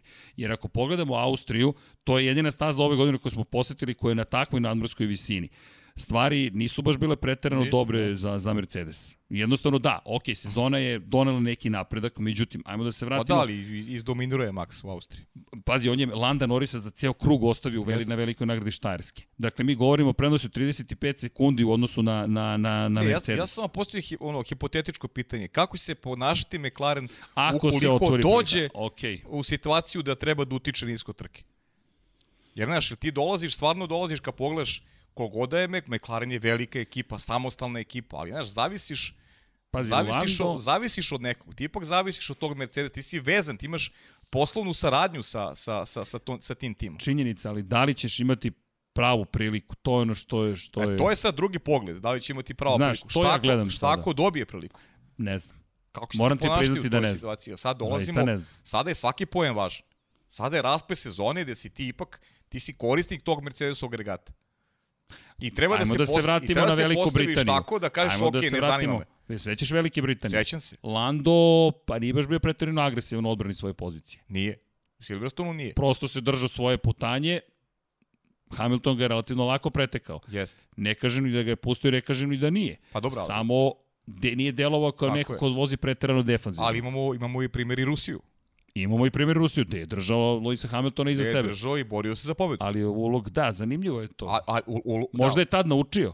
pa dobro, Možda je u Silverstonu naučio. Ok, ulog je bio ogroman, ulog je bio prva pobeda u karijeri. Jeste. E sad, zamisli dobiješ priliku da ponovo imaš, da je ulog takav da imaš prvu pobedu u karijeri, a imaš iza Luisa Hamiltona Ma, neće ga kome, pustiti. kome ti Ma, bodovi, Paju, nema šanse. kome trebaju ti bodovi osvoji Ma nema šanse. Ma ne pojeo bi ga, ja, ja ti garantujem da bi ga Zajdel lično pojeo. Bez obzira na svu politiku, Pazi, postoji granica ja, kada ja, politika ja, staje. ja želim da bude tako, da politika nema uticaja, ali samo glasno razmišljam. E, Šta u situaciji kada se lomi sezona, kada je kraj? Nema šanse. Ne, nema teorije. Zamisli da Landu Norrisu oduzmeš pobedu i kažeš mu bit će prilike sledeći put. Nema, ne, nema Ja šanse. mislim da mu to ne bi otvoreno ni rekao. Ali Na ako, taj način. da, da, ne ali bi kako rekao. mu kažeš? E, Luis je brži. Šta? Ja, to je ona priča vezano sada za, znaš, koliko bi bilo dobro da imamo više proizvođača i ne bismo ni vodili ovakve razgovore. Pa Nema šanse. Nema, Pa ja nema. sam ubeđen da Okej. nema. Ok, razumem te, ali ako se to ne, ne, desi... samo, samo glasno razmišljam, ništa više. Pa vidi, ako, ako Jer se to takva desi... je, takva je sezona, takav je ulog, evidentan je naboj i kod jednih i kod Ajde drugih. da okrenemo. Zamisli Pierre Gasly vodi u Brazilu i iza njega je Max Verstappen. Možemo i tako da postavimo. Šta će da uradi? On želi poziciju broj 2 u Red Bullu. Pa opet malo drugačije. On želi da poziciju red, pa da, lakše bi je dobio kad bi se Pa, ovaj, ili ne bi. pustio papučicu gas. Pa dobro, sređene, sjeti se šta je, sjeti se i Serhija Pereza i sećaš se one, onog duela koji je vodio kao vozač Zaubera kada je, gde je to bilo, sa Alonsom borba, bila sa Bilo je u, sa Alonsom je u Maleziji imao. u Maleziji. u Maleziji. Pa i smo i tada pričali. Pa pustio je pred kraj I, malo. I smo i tada pričali, ovo je možda otvaranje vrata Ferrarija, jer je objektivno stanje stvari je bilo da Čeko dobije tu trku. Da, ali če, da napravi onu grešku u 14. Pa okej, krivini, ali opet grešku, mogao je ali- da se ali vrati mo- u igru. Pazi, mogo je da bude agresivniji. Neke, neke trke su pokazale Jao, da je pa, agresivan u des- borbi de- za pobedu. Ovo, ovo je Pandorina kutija, ali evo, evo, ajmo, Gasli, prošle godine, ne, pre dve godine kada smo tu poslednji put bili, druga pozicija u Brazilu i tad je Honda nadjačala Mercedes Srđane, na mislim da nije loše što pričamo o ovome, zato što Na vreme da im- pričamo. tako, imam utisak, imam utisak da ćemo o ovim stvarima govoriti na kraju sezona. Da ćemo se vratiti na ovo. Pa da, pazi, ulo, takva je sezona. Zaista ogroman ulog, tenzije su sa svih strana. Mislim da se vode i te, i te političke borbe se vode. Ma sigurno se vode, ali mislim da postoji granica. Jednostavno da, da, da zamisli samo udarac na reputaciju McLarena kada bi to Ti, uradio. ti si potpuno u pravu. Ti si potpuno u pravu i, i ne verujem da bi, da bi neko javio Landu, Lando skloni se, nego ti pričam samo Aha, onome što okej. se dešava iza kulisa. A, a stav, znaš, ti, ti, praviš, ti praviš neku viziju onoga što može se desi u trci. Ja verujem da se tu vode razgovori na relaciji uh, ekipa, vozač, Dobro, da, šta da se... će reći Fernando na sve to? Alonso i, i, i Esteban Ocon u svojim Alpinama koji nikome ništa ne duguju. Pa to ti kažem. A Alonso je vozio, pazi, za Verstappena u Mađarskoj. Odnos Alpine i Ferrarija je Au, čekaj, čekaj, potpuno- čekaj, čekaj. potpuno Ali on- si ga sad zakomplikovao, odo smo ti ja. Alpina i- Žute na majice, žuta da, štampa. Alpina i, pa nije, ali to je, srđene, sve je to deo, sve je to deo Jeste, jeste, trkanja. Znaš i sam kroz istoriju. To je, Jest. te igrice izvan staze su uvek bile, pazi, o, o, ovo je sezona u kojoj možda pričamo na tu temu. Zato što je takva, prosto imamo duel dva tima. A Mercedes je tu u privilegovanom položaju što ima više timova koje, koje skrbljuje sa svojim uh, agregatima. A da, ali ima i Alfa Tauri koji je sve bolji Red Bull. Pazi, ima. Juki je odigrao veliku ulogu. Ko je očekivao da će Juki Tsunoda biti Pa faktor? Zaustavio i Hamiltona, zaustavio i Bottas. I ne samo, i u Turskoj je Hamiltona O zaustavio. tome ti pričamo, pričamo o Pazi, Turskoj. u, U Turskoj trke. i u dve trke, tako je. Čekaj, pa šta si to? Aston Martin ne, spomenu smo, kao da, ne, kao da ni ne voze više ove sezone, ali oni su mnogo usporili, pa čisto da ih ne zaborimo. Koriste Mercedesove agregate, trebalo da to bude ekipa koja će biti prilično moćna. E, Stanje trenutno nije baš moći, ako smem tako da se izvim. 62 poena, osvoji se tu i tamo poen, ali daleko od ekipe koja je trebalo da bude treća, četvrta u šampionatu sveta. A tamo je bio Racing Point prošle godine. Pa mislim da smo se negde složili da, da su oni onako sve resurse usparili na, na narednu godinu i Ali iz ove perspektive. ćemo. Iz ove perspektive ne vidim ih nigde, bukvalno, zaista. I da li kako mogu da utiču na bilo šta. I da li Teško. hoće da utiču. Teško da mogu da utiču. Ja ne vidim U Sebastian ove Vettel konstelaciji snaga teško da mogu da da utiču. utiče na neki pozitivan način na Mercedes. Ali okej. Okay. Dobro, zabavno bilo trkanje starih šampiona prošle trci. I Vettel, i Alonso, i Kimi, i Kone. Raspoloženi bili. Raspoloženi društvance. I ekipa Hasa, samo da je spom, da je napom, da napomenemo, Has postoji i dalje, čekamo ga samo negde sledeće godine. Dobro, pa je, otvori smo mi neke teme. Pa Čekaj. dobro, mislim, znaš, nije, nisu, mislim, neinteresantne, a sezona koju treba razmišljati bukvalno u, u, u svakom pravcu. Jer vodit će se veliki dueli na stazi bukvalno za, za svaki poen. Da, volim što volim što se ne dogovaramo pre podcasta. To je jedna od super stvari. Pa, mislim, i nema potrebe. Ne bi bilo dobro da se ispričamo ranije, onda je namešteno. Pa da. Da nisam očekivao ovaj smer, ali dopada mi se, okej, evo Dom Pablo je blago zainteresovan. To nije loš Pa na, nije, to, to, pazi, nije to moj pogled, nego samo, ja, ja ne mislim da će to tako da bude, nego samo postavljam pitanje, znaš, šta može se dogodi u nekim situacijama. Jer, jer više nije sezona u fazi, ne znam, na 12. smo trci, pa imamo još 10 do kraja, pa, znaš, imaš vremena da popraviš e, stanje stvari. Ne, više nemaš vremena za popravku. Sada je svaki poen krucijalan. Svaki poraz, svaka izgubljena trka je korak uh, unazad u ostvarenju A ambicije. pazi, u Brazilu idemo na sprint trku. A složili smo se koliko je i Mercedesu važno da osvoji šampionsku titulu, koliko Kako je bi. Lewisu dođe do osmog trofeja, da će urade sve da osvoje osmi trofej, koliko je Red Bullu važno da prekine tu dominaciju, koliko je Maxu važno da dođe do prvog trofeja. Znači, svi su uh, napeti, svi žele najviše, svi žele maksimum, a znaš, titula je Znaš šta je samo meni jedna. fascinantno? Da odsustvo informacija.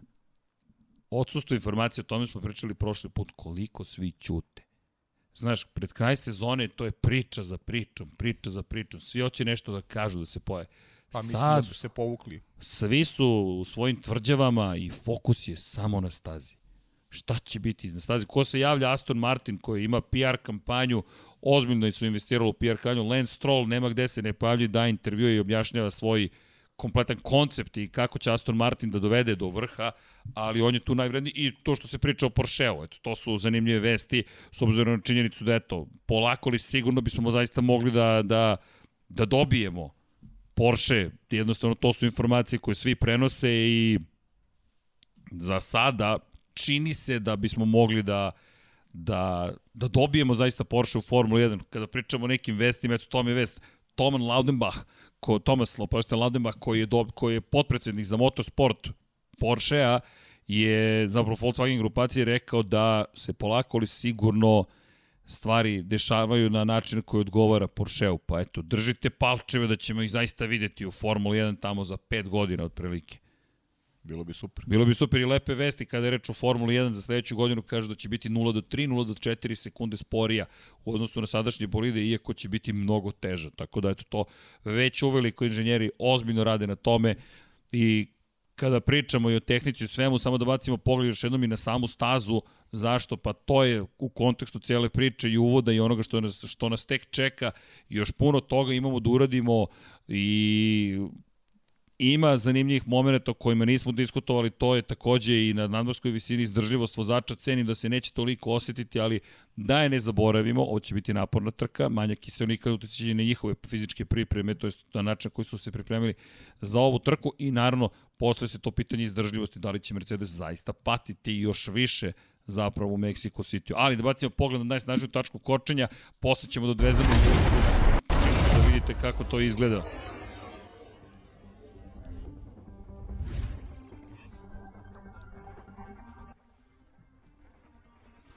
Evo ga pogled na stazu. Hermanos Rodriguez 4304 metra. Obratite pažnju na temperaturu, 10 tačaka kočenja, srednje opterećenje je pitanje same staze, ali kada govorimo o temperaturama kočenog sistema, zaista su na visokom, najvišem mogućem nivou.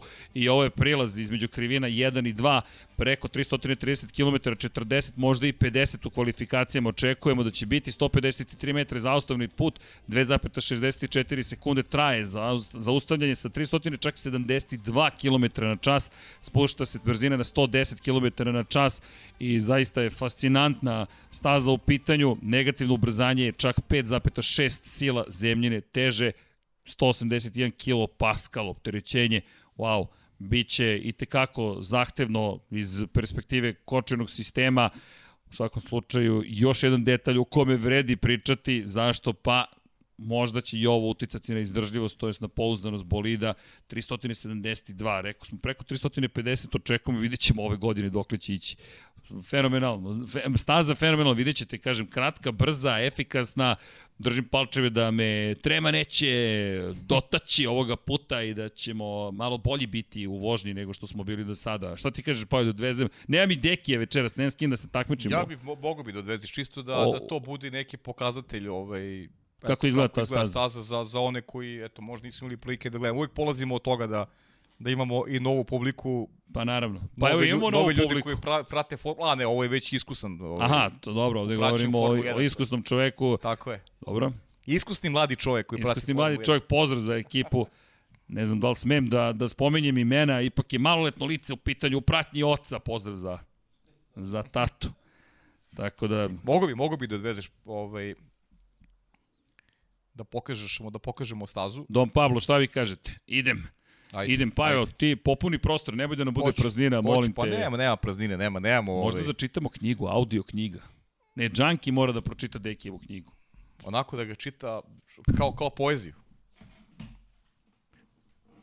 Srki se priprema, radi sada ovaj zgibove, pa malo trbušnjake. Fizička kondicija je jako važna. A? A, vrat, da, da, vrat. Sugeriše mi Ivan Toškov da je vrat. Mo, pa imamo. I posle Dekija Deki. Ko kaže da Deki nije tu? Dobro, dobro. Malo da se igramo.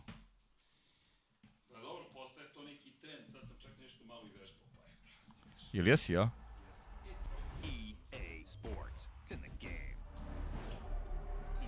Neka si vežba, pretpostavio sam da jesi. Da, pa, dosta smo se brukali. Možemo malo i da se ne brukamo. Ma, čekaj, nema čekaj, tu brukanja. Da preskočimo. Dobra je muzika da ne upadne YouTube, da ne kaže da smo prekršili pravila igre. To je samo igrica koja je crno brukanje. Ovo je više onako malo da se da se prođe kroz stazu. Mislim da je to interesantnije. Nisam stigao da updateujem igricu, ali... Pogotovo što smo je zaboravili, nismo dve godine bili u Meksiku. A pričali smo o Ferrariju, bilo tih momenta Leclerc, one kvalifikacije čuvene kad se... Eto, Leclercu ne odgovaraju generalno te, te nazovi staze koji imaju malo i tih... Pa evo, koga biramo? ulični karakteristik. Koga biraš? Koga biram? Pa eto, priča sam o Leclercu Ferrari, pa nek bude Ferrari. Ferrari, dobro. Idemo na stazu koja se zove Braća Rodriguez, 4304 metra. Drži mi palče, pa je, da ovo bude... Ajde, ajde, navijam. Naravno. Ajde, ajde. Mogu ja to. Navijam da to bude kako treba.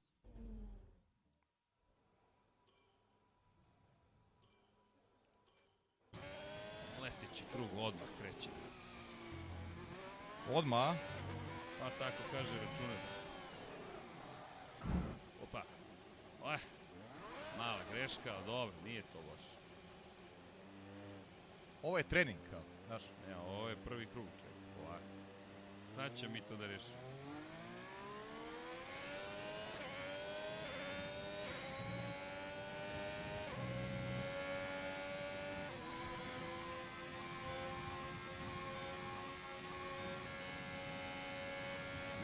pre sam bio brži. E, ovo je ta najsnažnija tačka kočenja i ozbiljno je.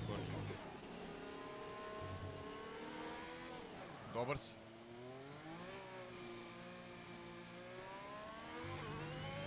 Dobar si, dobar. Spremao si se za ovo, sad je jasno. Malo sam bolji, malo sam bolji.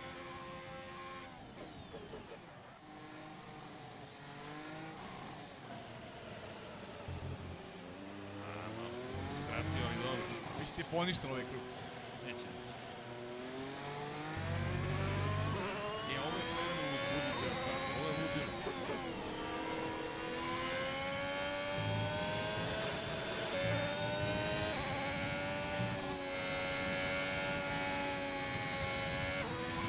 Samo malo sam sišao sa staze. I odmah ideš na start, pazi se ovo. Da, da, da, ovo je sjajno, stvarno.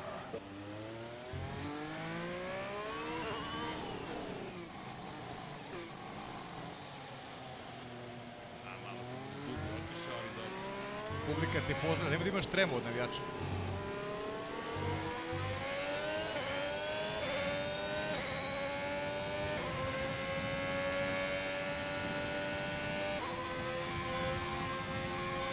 Perez, oj, to. Neko mi je promenio pogled, pa sam malo bolji, ali... A ne, sada si stvarno dobro. Sad vidiš šta radiš kod kući svaki dan.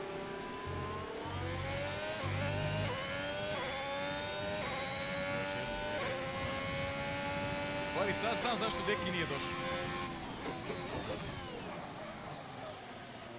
A, malo dublje, ali dobro. Da kad pokušaš da budeš Deki se stvari uplašio, bio nikad. E, moj Deki. A, ne. Dobro, dobro. A dobro, mora jedno da pogreši. Bolji sam čak i u ovoj. A, tamo kad sam to izgovorio. dobro, je moralo da se desi. Dobro. Nadam se da je... A, ne. Hladne gume. To me neko naučio u komentarima. Šta kažeš? Neko me naučio u komentarima. Ne znam da li čuješ. Čujem, čujem. A ovo mi je omiljen predstav. Jeste, tako, zahtjevan, interesantno. Uf, uf, uf, O, E, ovako, nažalost, može se zaista da se desi. Mislim da Binotu nije dobro. Ali dobro. Ovo, ovo je kao, kao džovinaci kad je počinju. Ako se kreneš u kontra smer. vremena za odgovor. Čekaj, čekaj, znači...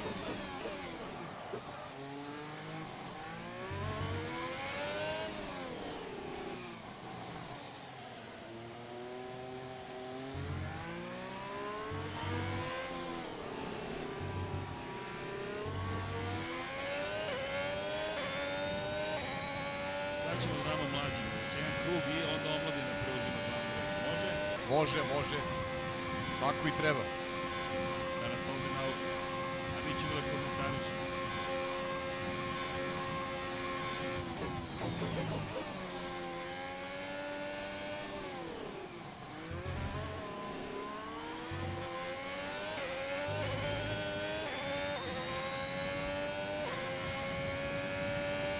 Dobar si, srđane, dobar.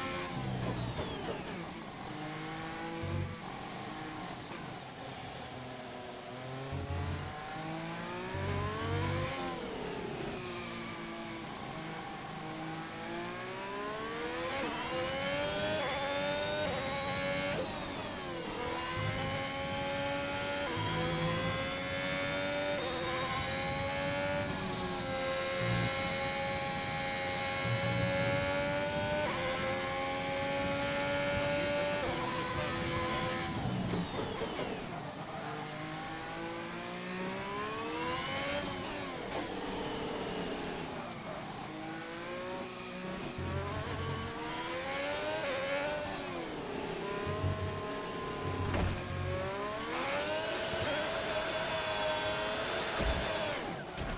Okej, pokušao sam, ali idemo u pit lane. Te na kraju, baš. Dobro, nije bilo loše. Nije, nije, nije, nije. Bravo. Reci za onaj treći deo, a? Ne, ne, dobar, dobar si bio sad, stvarno. Ovo je bila najbolja vožnja Da, sada jedan omladinac, sada. njega nećemo prikazivati. Vežbao si. Činjenicu, da. Je ipak maloletno lice. Tako je.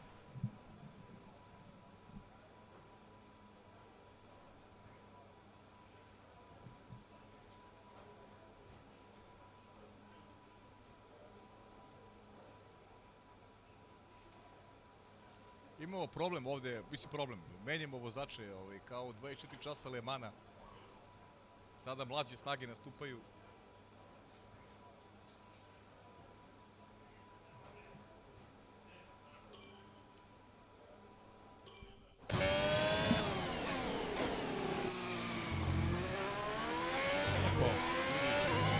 Bravo, sređene.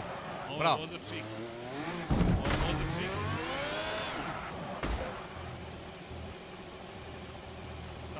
Polako, bez treme. Eto, imamo prvog gosta zapravo koji nam vozi večeras. A možemo da komentarišemo, poštovani gledalci, dobro veče i dobrodošli na kvalifikaciji za veliku nagradu Mexico City-a. Slobodno menjaj, menjaj. Jelda Vojkati je inače DRS.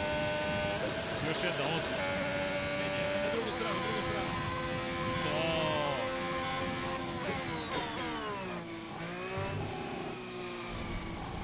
Ovo je u duhu Verstappena i Hamiltona 2019. Možete i preko trave, to je sve u redu, pazi, to i šampioni rade, tako da je sve okej. Ali pogledaj kontru, o, da se ovde vozi. Da, da, da. Dame i gospodo, opa! Pazite, sa samo 12 godina u studiju pod pritiskom i nema nikakvih problema. Ništa, ili imaš Twitch? Ne, morat ćemo ti otvorimo Twitch, ali nadam se da, još jednom spusti, tako je, tako je. Nadam se da majka ne gleda, jer sad decu nagovaramo na redovno igranje igrice. Ali ako majka gleda, pozdrav. I tako. Dobro, Pajo, raspoloženje je na nivou, vidi. Jest, i treba da bude. Čim imamo ove žute majice, naravno da se zabavimo. Spremamo se za ove tri sjajne trke i Dobro. Lepo. Čekaj, pa je, u krajnjem A slučaju, nisam bio loš. mislim, u krajnjem slučaju analizirali smo ono što nas čeka zabavili smo se. i malo se zabavljamo sada, tako je. Ovo je sve, sve deo vežbe. Sa, o, samo polako. Prvi polako. Samo polako. Pazi, Max je ušao, Max je ušao. malo je u Formu 1, znamo ko je sledeći. I tako. I se spremate za pitanja? Samo tata mora to da, i da isfinansira. Dobro, dok se ovde vrše pripreme, ja sam da vi pripremate pitanja. Polako, sigurno. Pa da. Ja sam dobio neke pitanje, tako da... Samo da znaš, agresivnije s volanom u tim krivinama. Slobodno.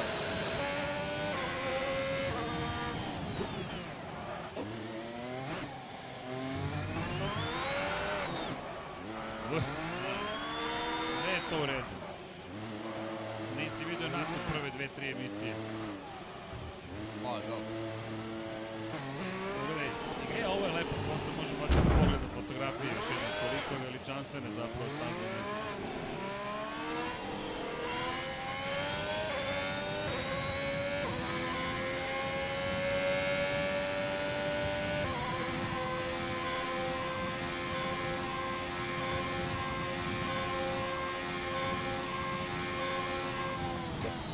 Država se prva krivina, zahtevno kočenje, krivina u desno, blago dodavanje kada se malo kasnije ulaz. Malo široko, to je sve. To, idemo ka drugoj DRS zoni i na istom smo nivou prošle ove prve krivine. Ok, ovo je zanimljivo. Kočenje u skretanju. E, ok. Računar kaže da je sve u redu. Ok, ovo još nisam skratiš put.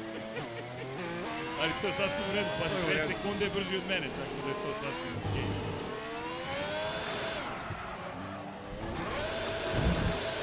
Široko se koristi staza u ovoj izvedbi Mexico City-a. Ali ne zamerite što se malo danas smo možda opušteniji, jer to je, to sastavni deo priče, pogotovo kad je reč o najmlađima. Vidi, ma ne, dek, dek, pazi. Gde, gde mi Deki? Vidi. Pobedio sam 12-godišnjeg momka. Bravo sam. A? Ko je ovde glavni das u studiju? Da li bi Deki vozio bolje? On je stariji. Ne, tako da to nije izazov.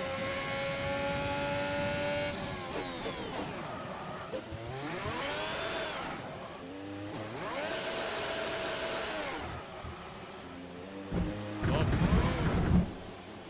Tako sam ja probao kroz zid, ali neće. Neće Glavom kroz zid. zid nikako. A pazi, mi momku pričamo još na slušalicu. Ovo je da pozdravi publiku, da mahne i kaže drago mi što ste svi danas došli da pratite ovo. Ej, uz ovu kontru se izlazi iz parabole. Završavaš kao ja, kroz pit lane. To ti kažem, kroz pit.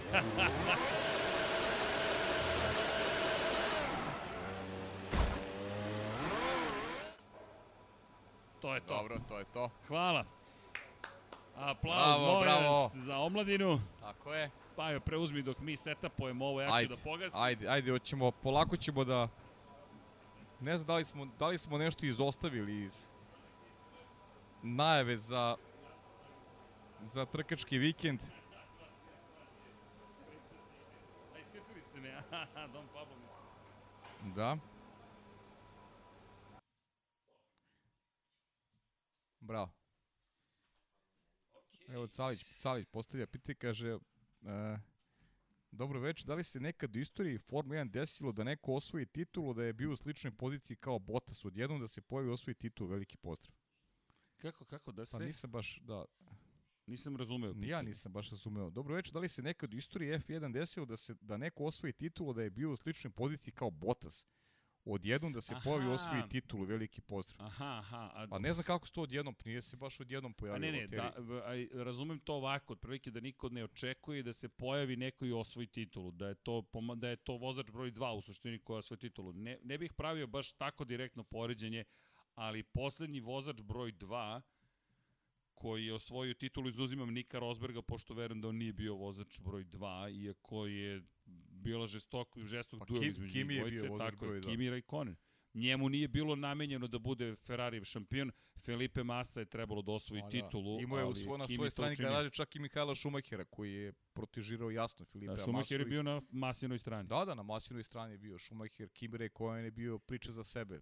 Niko nije računao njega, on je osvojio titulu. Au, tako pa da- moramo da napravimo majicu fin, finish special. Mada ova plava nije daleko od finskog specijala, ali možda bi smo mogli finski specijal. Pa dobro, ona majica, mislim da je ona majica Kimi, ona, ona, ona je Kimi je vrhunac on, on, doživljaja. je sjajna majica, da. Dobro. Imamo još pitanja, pretpostavljam, sad ću da Pa se imamo na pitanja, chat. Čekaj, imamo čekaj. pitanja, imamo pitanja, ja imam još ovde pitanja, ali ajde sad možeš ti sa četa da. Pozdrav si, e, Patreon, da li imamo pitanja, šalje mi Dom Pablo i kaže, i nemoj da zaboravite ovo. E da, i udrite like, ljudi, pa mislim, re, e, e, bl- blago rečeno, red je. Da, red, red je, da. Red je, molim vas. Slažem Čekaj da se. vidimo. A, pojačajte, komentar na izjavu, pojačajte, pojačajte zvuk. Zvuk, alo. A, verovatno moj zvuk. Ne, malo pređašnji zvuk a, se nije čuo. Čuje se... Okej. Kada farbam kosu, kada farbam kosu u zeleno? A, A to, to nešto sam čuo na, na De, nešto iz tebe, De, nisam to ne, čuo. na farbam kosu u petak. A stvarno farbaš kosu pet? Da, da, moram. Gde sam ja to čuo? MotoGP-u? Ne, ne, neko rekao. 99 neko mi je yardi. rekao. Inače, A, 99 izvinjavam se, evo onda imamo ne. kritiku 94 mas, što nismo palili asistencije. Mogli smo malo ti uporimo neku pomoć, ali šta on je elitni vozač čovek, videli ste, snašao se- na keca. Pa tebi treba asistencije, ne njemu.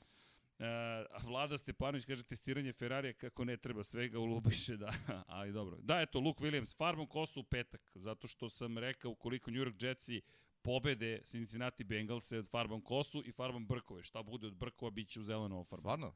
Da, ozbiljno.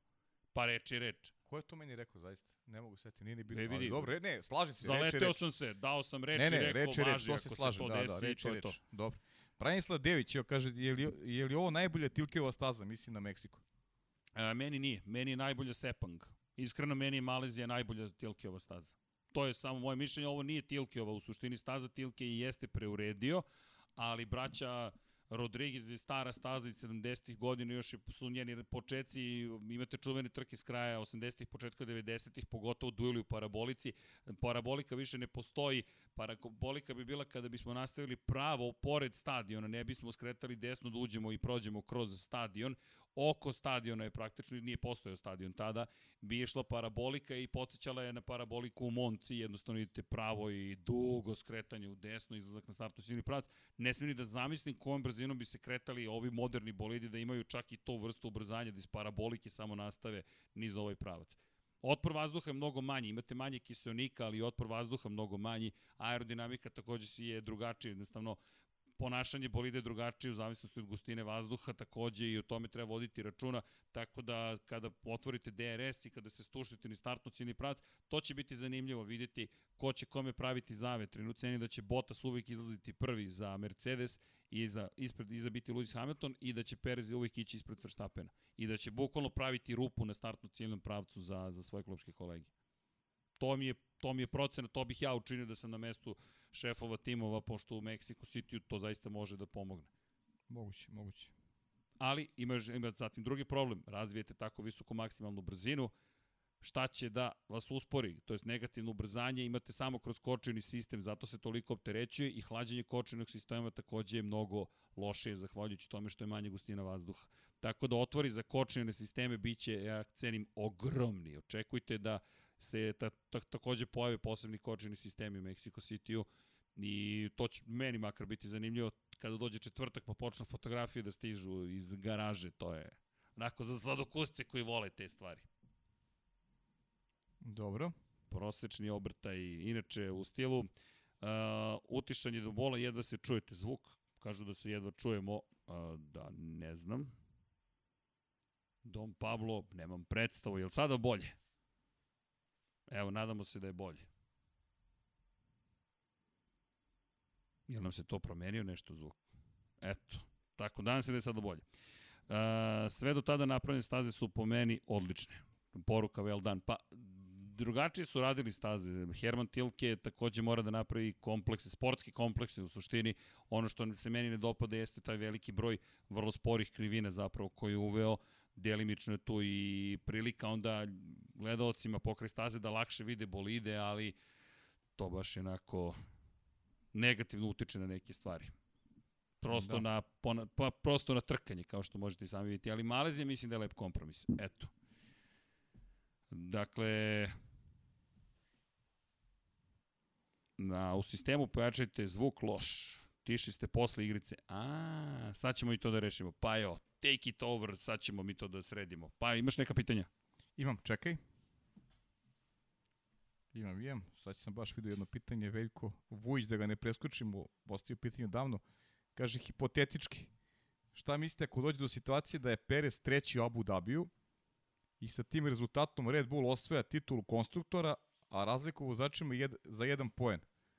U tom trenutku da Luis ima najbrži krug, da li ga stavljaju u pit da uzme najbrži krug i tako žrtvu ekvitnu titulu za Maxa podra svima. Naravno, Veljko, da žrtvuju titulu za Maxa, titula u konkurenciji konstruktora je apsolutno sekundarna i mislim da u ovom trenutku ni Red Bull, ani Mercedes ne stavlju uopšte akcenat na, na tu borbu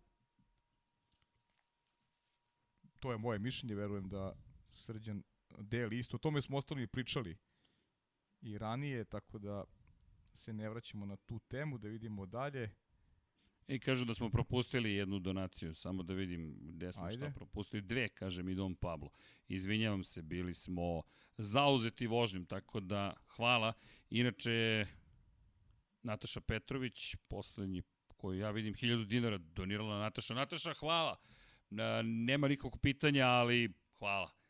Inače, Andre, Ferrari izgleda bolje, ali samo da vidim šta kaže Andre. Ferrari izgleda bolje, ali moramo se setiti da je McLaren izgubio puno vodova sa Ricardom na početku sezone. I donira 25 dirhama, hvala Andre, pa još 5 dirhama, hvala. Zaista hvala. Izgleda bolje i činjenice McLaren jeste izgubio puno poena na početku sezone zahvaljujući McLarenu i Ferrari, hajde, iskoristio je nekako iskoristio je svoje šanse, rekao bih, ali bih pohvalio pre svega Landa Norris. Jesu oni gubili poene, ali ni jedan ni drugi tim nisu bili toliko nepouzdani. Ljudi, veliki broj, ako pogledate završenih trka, Charles Leclerc nije započeo trku u Monte Carlo, to je problem prosto koji nije otkriven na vreme, pa nije započeo, trebalo da startuje sa pol pozicije, ni manje, ni više. Tu je Ferrari takođe izgubio potencijalnu pobedu, uzmite i to u obzir. Tako da se nekako iznivelisalo, inače 16. bio u Francuskoj, to su prvi poeni, da kažemo, neosvojeni da je bio na stazi, zatim nije završio trku u Mađarskoj i bio je 15. u Rusiji. Sve ostale trke za Charles Leclerc su među osvajačima poena. Carlos Sainz, 11. u Portugaliji, 11. u Francuskoj. Sve ostale trke završene među vodećom desetoricom, uključujući dva treće i jedno drugo mesto kod Leclerca kada je reč o pobedničkim postavljanjima, jedna druga pozicija u Velikoj Britaniji. E sad, s druge strane, Lando Norris. Sve završene trke u poenima do Mađarske, zatim 14. u Belgiji, dve trke za redom bez poena i od onda standardno već među osvajačima poenu malo nije odneo i pobedu. A pritom, I, pritom priča o Mađarskoj gde je eliminisan ne za, ne tuđom, greškom. tuđom greškom i pričamo o Belgiji gde trka praktično se nije vozila. To su Tako to je, je rezultat iz kvalifikacija Lando Norrisa u otežanim vremenskim prilikama. I pa ima onu veliku govori, grešku prosto. Pa jeste, da, ali, ali je tako je, imao je veliku grešku, nije sporno.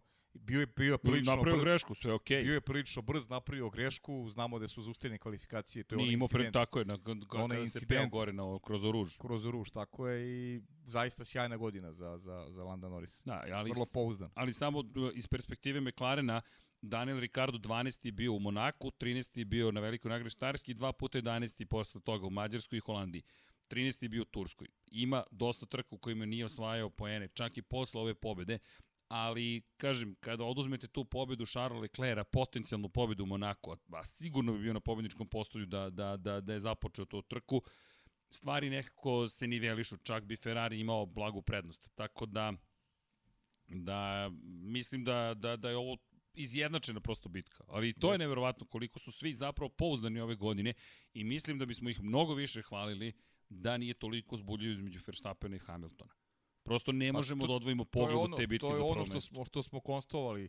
Uh, u senci bitke koju gledamo, bitke za Tako šampionsku je. titulu, mi gledamo napredak očigledan kako vozača, mladih vozača, tako i ekipa koje su prošle godine izgledale mnogo, mnogo gore, ajde da upotrebim taj, taj izraz i uh, sve to obećava još veću bitku u narodnoj 2022. godini, to je nešto što nas, što nas raduje, jer jedino je Haas, ali dobro, Haas je tražio, Haas je želio je dobije i novu verziju Ferrari agregata, nisu im usišane te molbe, tako da Haas imaju opravdanja što su rezultati toliko loši, što je zaista utopija razmišljati o tome da će svojiti neki poen, ali svi ostali su izuzetkom Alfa Romeo, rekao bi da su napravili određeni iskorak, pa čak uh, i ekipa Lorenza Strola, bez obzira što smo možda mi očekivali više, rekao bih da ipak njihov fokus apsolutno na ono što se dešavati naredne godine, da, da su stavili tekuću sezonu onako negde ad akta i da im nije previše važno kakav će, pritom njima srđene finansijska konstrukcija im je takva da im zaista uh, peto, šesto ili sedmo mesto konkurencije konstruktora ne igra neku, neku bitniju ulogu. Pa nije to njihov cilj. Prosto to nije njihov cilj. Jednostavno cilj je da, da budu šampioni sveta nije nešto manje ne igra Lorenz Stroll, verujte koliko god to možda zvučalo ambiciozno, prosto to je njegova igra i izmene u Formula 1 koje se dešavaju idu u korist tome da neka ekipa koja nije fabrički tim zaista može da se nada sad polako da. već tome. Samo ti kaže, aj malo da, da. da razbijemo, Boris mi piše, kaže, ako se pojaviš na aerodromu pred Valenciju sa zelenom kosom, imaš sve šanse da te zadrže tamo. Ej, vidi, vi se šalite, ali ja sam upravo dobio donaciju od 500 dinara. Maxim Prodigy, Srki, evo za farbu za kosu, ako je to dovoljno. Haha. Uh, nadam se da jeste, ne znam. Inače, Max ima više krugova u vođstvu od svih ostalih zajedno i skoro 50% pobjeda. Može se reći da je samo 12 pojena prednosti Mađarske i UK su spasili Mercedes. Slažem se, slažem Jeste, se, sve, sve je tačno, to smo, to smo negdje i konstatovali kroz podcast. Razlika je morala da bude mnogo veća. Ali nije. Prosto, Prosto nije. smo gde smo, Jedno, Paz, jednostavno se nije desilo. Zato i negde kažemo da je Lewis Hamilton zaista najteži rival. Kada osvoješ titulu kontinuitetu, imaš ekipu koja to zna da radi, Zbog toga će ovih pet trkačkih vikenda biti onako na, na granici, verujem, e, i sa jedne i sa druge strane. Kako deluje to tako nonšalantno, ali ljudi, pa, mislim, naš... hoće da bude drama ozbiljna, nego da, da se prebacimo malo na chat. Ima puno ljudi koji pitaju na chatu, pa evo da iskoristimo priliku. Pišite pa i na Instagram, popularizacija njegovog Instagrama. Jetsi upalili motore, kaže NTNSP. Tako je. Meni je sve okej okay što se zvuka tiče, hvala, samo da znamo da li je sve u redu. A, bilo je priča da će Ferrari za Meksiko da uzme kaznu zbog super fast motora. Ako uzmu taj motor, da li ih vidiš u borbi za, sa Red Bullom i Mercedesom do kraja sezone? Pitanje cenim da je za. Pa, ja mislim da ih već vidimo pa, za neke da. stvari. Nisam baš siguran da će uspeti tu da se umešaju. Mislim da su Red Bull i Mercedes zategnuti. Prosto da, da imaju konfiguracije bolida na, na najviše da, mogućem nivou. Znaš šta bi jedino brine, brine da. po znacima navoda kod Leklera? To su ove, ove uske staze, ti usko, uski delovi staza gde on često zna da očeše ivičnjak ili, ili, ili ogradu sa strane, tako da to možda bude problem za Leklera. Inače, sećaš se da je bio i favorit u, u Meksiku, pa ima onaj incident u kvalifikacijama. U Azerbejdžanu, izvinjavam se. U Azerbejdžanu, U Azerbejdžanu, ali slična, konf, slična konfiguracija. Pa je, dobro, je, to ono što smo pričali, Meksiko, Ferrari da- može da... da, pa pazi, ko je uzeo pol poziciju? Jeste, uzeo je pol uzeo pol poziciju, jeste zavetreno iskoristio, ali uzeo pol poziciju i e, koliko god ga, koliko god Ferrari pocenjivali i očekivali prosto više, jednostavno činjenica je da je bilo ovih momenta tih nekih situacija koje su za ponos za ekipu Ferrarija. Nije možda to mnogo, ali hej, nije ni, to, nije ni toliko loše. Bar bih ja rekao da to nije toliko loše. Uh, hoćemo dalje, Pajo? Imaš ti pitanje, imam ja ovde Hoćemo, pitanja. Ima, imam, ali ajde, možeš ti, nemaj ako si... Ja sam sad izašao malo, da. sa, sad ću ponovno. Znaš šta da... smo zaboravili? Da li ima nekih novosti u vezi sa sedištem u Alfi? E, ima još jedna stvar. I, znaš šta smo još zaboravili? Zaboravili smo NASCAR, to mi sugeriše Boris Truti, da, nismo to pričali. moramo da, da... Ok, odvojit ćemo moramo. segment na kraju. I imam jedno pitanje, to je za tebe. E, e, Mark Marquez, ili ima neka priča ili nema?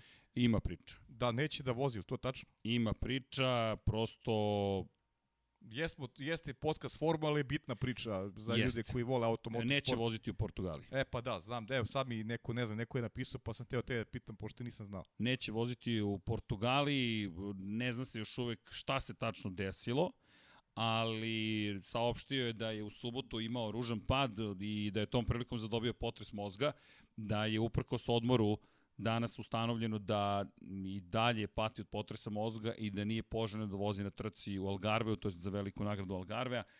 Moram priznati da je odluka razumljiva, ispravna, ali takođe sam zabrinut iz jedne ljudske perspektive.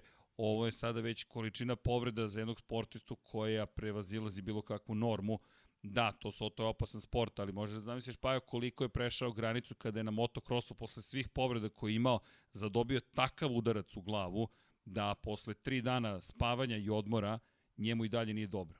Da on i dalje ima vrtoglavicu. Da, da, jasno, jasno. Pa mislim, zato ti je pitam, jer nisam, ovaj, neko je pisao, pa ajde bolje to da obradimo, znači imamo to, imamo naskar i da odgovorimo još neka pitanja. Imamo to Jeste, pitanje. imamo, pa, pa evo, ovo pitanje to pre nego što skočimo. ti sutra ovaj više da. Na naskar, da. Dobrite kao temu, da. Da, za Alfu, to moramo da spomenemo. Za Alfu, tako Ko će sedeti u Alfi naredne godine? Pa mislim, to Daš, još ne znamo. Valtteri Bottasi, ne znam šta se dešava. Pričali smo o tome uh, pre dva vikenda, ovaj, izvinjavam se, pričali smo o tome da je ta priča sa Andretijem stavljena ad acta i pitanje je koliko je koliko i dalje aktuelna, pa od te neke vlasničke strukture zavisi ko će biti vozač broj 2 i dalje se Đovinaci nada i dalje je u igri i mislim da se upravo čeka da se reši ta uh, upravljačka struktura kako bismo znali ko će se pridružiti Valteriju Bottasu. Eto, do tada nema, nema jednostavno pravih informacija na tu temu. I dalje, eto, prosto čekamo. Ali čim nešto saznamo, obradit ćemo ono što je meni tu, ajmo, hoćemo da spekulišemo malo. Da li misliš da Đovinaci tu može da ostane? Pa sumnjam, iskreno ti kažem. Sumnjam. Mogu, mogu ti kažem šta bih voleo. Da, voleo bih da ostane Antonio Đovinaci kao eto, neko ko, ko rekao bih da se lepo profilisao kao vozač koji, koji ima dara, koji kao neko ko mislim da zaslužuje još jednu priliku, imaće opet u sebe Valterija Bot. Znaš šta bih volao da vidim? Volao bih da ga vidim uh, da, da u tom nekom omeru snaga sa Valterijom Bottasom, kako bi to izgledalo. Eto. Mislim da bi to bio najveći izazov, izazov njegove karijere i ne da bismo testirali srđenu njegovu izjavu kako on sebe vidi u Ferrariju. Da li je zaista uh, taj kalibar? On ove godine, uh, ruku na srce, vozi bolje od Kimira Koena, što opet aj ne, nije više neki reper i očigledno da je Kimi u svojoj glavi već Završio izvan karijeru. sporta i nije to više taj Kimi uh, koga smo gledali prethodnih godina, ali eto, volao bih da vidim uh, Đovinacija uh, kao timsku kolege Valterija Botasa, da vidim gde je on, koja je njegova objektivna vrednost, jer to bi zaista pokazalo neku njegovu objektivnu vrednost. Dobro, Valtteri Bottas može biti prijatno iznenađenje naredne godine u Alfi. Pa mislim, pazi, srđane, Valtteri Bottas mislim da nije iznenađenje. Valtteri Bottas je profilisan vozač. Valtteri Bottas je uh, gde smo ga mi kritikovali zbog tog nedostatka nekog stava, možda malo drugačiji karakter. Mo- možda smo uh, želeli da on krene primjerom Nika Rosberga, opet s druge strane uh, prevideli smo opciju da on možda nije prosto dorastao tome da bude na nivou Luisa Hamiltona, ali je on da je dobar vozač, Valtteri Bottas je nespom dobar vozač, to je ono što smo imali priliku da gledamo svoje vremena i u Grand Prix 3 seriji. Tako da za mene nije nikakvo iznenađenje da Bottas naredne godine uvede Alfu čak povremeno možda i na podijonsku poziciju. Opa, do, time code. Ta- Dom Pablo, time code. Ti znaš kako se završava ove pajne izjave na kraju. Na kraju se vratimo na njih i postanu deo Instagram zaveštanja. Honda se povlači. Me daj, pa o čemu pričaš? Honda se povlači. Pa pazi ti kakve on navike stekao. Od, ne, ne, Srđane, kakve navike stekao od momenta kada je došao Williams? Podijumi, podijumi. pa Pre, pobednički. prelazak u Mercedes, podijumi, podijumi. Jedino nije imao pravo, Nije imao kontinuitet u borbi za titul. tako Da li ga nije imao zbog toga što on nije mogao objektivno i, i što nije mogao od Hamiltona ili nije mogao zbog a i ekipe? možda kombinacija stvari. Možda i jedno i drugo. Možda i kombinacija Možda stvari. kada je mogao da se nametne, nije znao kako da se Tako nametne, a kada je bilo kasno je morao da prihvati ulogu vozača broj 2. Dakle, Ovde ne očekujemo taj, tu vrstu kontinuiteta, ali Bottas je takav vozač da, da šansu koja mu se ukaže i kako može da zgrabi. I ja očekujem da to i uradi. Dobro, Dom Pablo jeste upisali. Samo mi je bitno da je upisan. Ok. Da ne bude posle da nismo zapamtili moment kada se sve ovo desilo. Dobro, pa evo. Da, imaš Mohameda, imaš Mohameda Hajdarija ti kod sebe ili ja da ga, pošto je postavio dosta pitanja i to stalno radi, ne bih volio da ga preskočimo. Ima uvek tih interesantnih zapažanja ili, ili hoćeš ja da krenem? E, par stvari. E, Tuka Taponen, novi karting šampion, mal, Đorđe Šarac kaže, malo nade da imamo naslednika Miki Kimija. Treba nam neki finac, činjenica, neki finac, ne bi bilo zgoreg. Tako. Vukašin Arsenijević, da li vidite Alonso među sudijama u budućnosti s time koliko se sada zalaže da se poprave pravila i suđenje? Pa vidimo ga, ja ga makar vidim kao vrlo uticajnog čoveka u automoto svetu. Sada gde je tačno i da li je to samo Formula 1, ne znam, ali da, deluje da sazreva Fernando Alonso na naše oči iz te perspektive. Tako da, da li će biti sudija, ja čak mislim da neće biti sudija, mislim da će imati neku važniju ulogu. I, e, uzmite obzir špansku školu i iz perspektive politike. Carlos Sainz stariji i vrlo ozbiljan čovek koji ozbiljno lobira i koji će se nametnuti, ja verujem da bude predsednik Međunarodne automobilske federacije. To nekako kao da je dato, nije još završeno. I još jedna stvar, Španci zaista se trude da ostanu relevantni u strukturama moći u sportu generalno, pa ti to vrlo dobro znaš, oni se zaista trude po svim, na svim meridijanima da budu prisutni. Pa mislim, to je, to je, imamo primer takve ekspanzije španskog sporta tamo od 90-ih, da ni u jednom nisu bili na, na vrhu piramide, a odjednom su postali najbolji bukvalno u svakom sportu. Jedan period Španije u futbolu, u košaci, u Sve. rukometu, bili su čak prvaci Evrope i u odbojci. Dakle, zaista, da ne pričam o ovim individualnim sportovima, tenisu, Nadali i ostala priča, zaista jedan onako uh, ozbiljan su iskorak napravili organizaciono i to što si rekao, uh, lobiranjem, uh, pozicioniranjem u koje kakim federacijama, tako da Španija ima i tekako uticaja na, na te sportske tokove u širom sveta. E, Pratite, zaista pratite. Pa ostalom ti najbolji znaš Dorna, Mo Moto Grand Prix, španski, koliko ja znam, Dorna je jeste, španska, to je španska tako, kompanija. španska tako kompanija, tako da sve, sve je jasno. E, vratit ću se, iskreno vratit ću se vrlo ozbiljno na ovo, zapamtimo, zapamtimo prosto ove, ovo pitanje, mislim da će se u jednom momentu desiti da, da malo ozbiljnije o tome pričamo i da Fernando Alonso tek čeka neka druga vrsta budućnosti, ali to je tamo za 2, 3, 5 možda godina. Inače, ovde je dosta zanimljivih pitanja i za, i za nas, iz perspektive onoga što mi radimo kao prenos. Kaže, da li mi tokom trke možemo da vidimo koliko gledalaca trenutno gleda utakmicu i koji je rekord gleda, gleda kanal te koji je rekord gledanosti. Dok prenosimo trku, izvinjam se. Pa mislim, Ne. ne možemo baš da gledamo, mi se trudimo da imamo neke onako informacije. Da. To je konkretno bio slučaj sa sa Amerikom gde je oboren rekord gledanosti i imali ste zvaničan podatak koji je objavila Liberty Media preko Liberty Media preko 400.000 ljudi je gledalo a, tu trku ta tri, tri dana trkačko u Americi što je što je rekord poništen je rekord Silverstone u stvari eto i to je opet verujem to je dobar priča. E, to je recimo dobar reklama apropo one one prošle priče vezano za za reklamu. Baš nisam delio ove stavove uh, tvoje vezano za, za reklamu, šta treba da bude reklama za Formulu 1, mislim da jedina prava reklama za Formulu 1 su trke. I da ne može nikakav, nikakvi spoljni faktori, ne znam, poznate ličnosti da, da dovoljno dobro izreklamiraju proizvod ukoliko sama trka nije dobro. Ovo je najbolja reklama. Sezona 2021. je najbolja reklama za Formulu 1 i zbog toga je i Austin bio toliko toliko posećen, jer on, ono što što najbolje znamo, imamo i taj primer e, finala tenisa ove godine, Novak Đoković, pa mislim da su ljudi hteli da prisustvuju istoriji, da je to bila poenta cele priče, e, kao što su i ovde ljudi želi da budu deo istorije. E, ova borba između Maxa Verstappena i Luisa Hamiltona je deo istorije. Jeste, ovo je za pamćenje. Kogod da je otišao na trku i kogod bude u Abu Dhabi reći, ej, bio, ne, ja sam ne, deo. Nema bolje privilegije nego biti deo te priče. Ali vidi, mi da, ja makar i dalje pričam o tome da mi zapravo čekamo da se u Abu Dhabi ove stvari reše. Ja se nadam, Srđana, isto tako da bude. Ja, to, to, je, to je moja velika želja, znam i tvoja. Pričamo ti ja o tome, ono, ono što se ne čuje, kad završimo prenos, koliko smo a, srećni urađenim poslom, koliko smo srećni što smo prisustvovali, što smo mi deo te istorije, deo istorije kao, kao komentatori i što želimo prosto da, da, da sve bude rešeno u posljednjem trci, apsolutno je nebitno ko je, ko je šampion. Kogod bude šampion, bit će zasluženo šampion, to je to. Je to. A ko će biti šampion, saznaćete naravno na sport klubu. Tako je. I pratite Lab 76 i udrite like. Inače, iz naše, pa naravno, udrite i subscribe, to nam i tekako znači.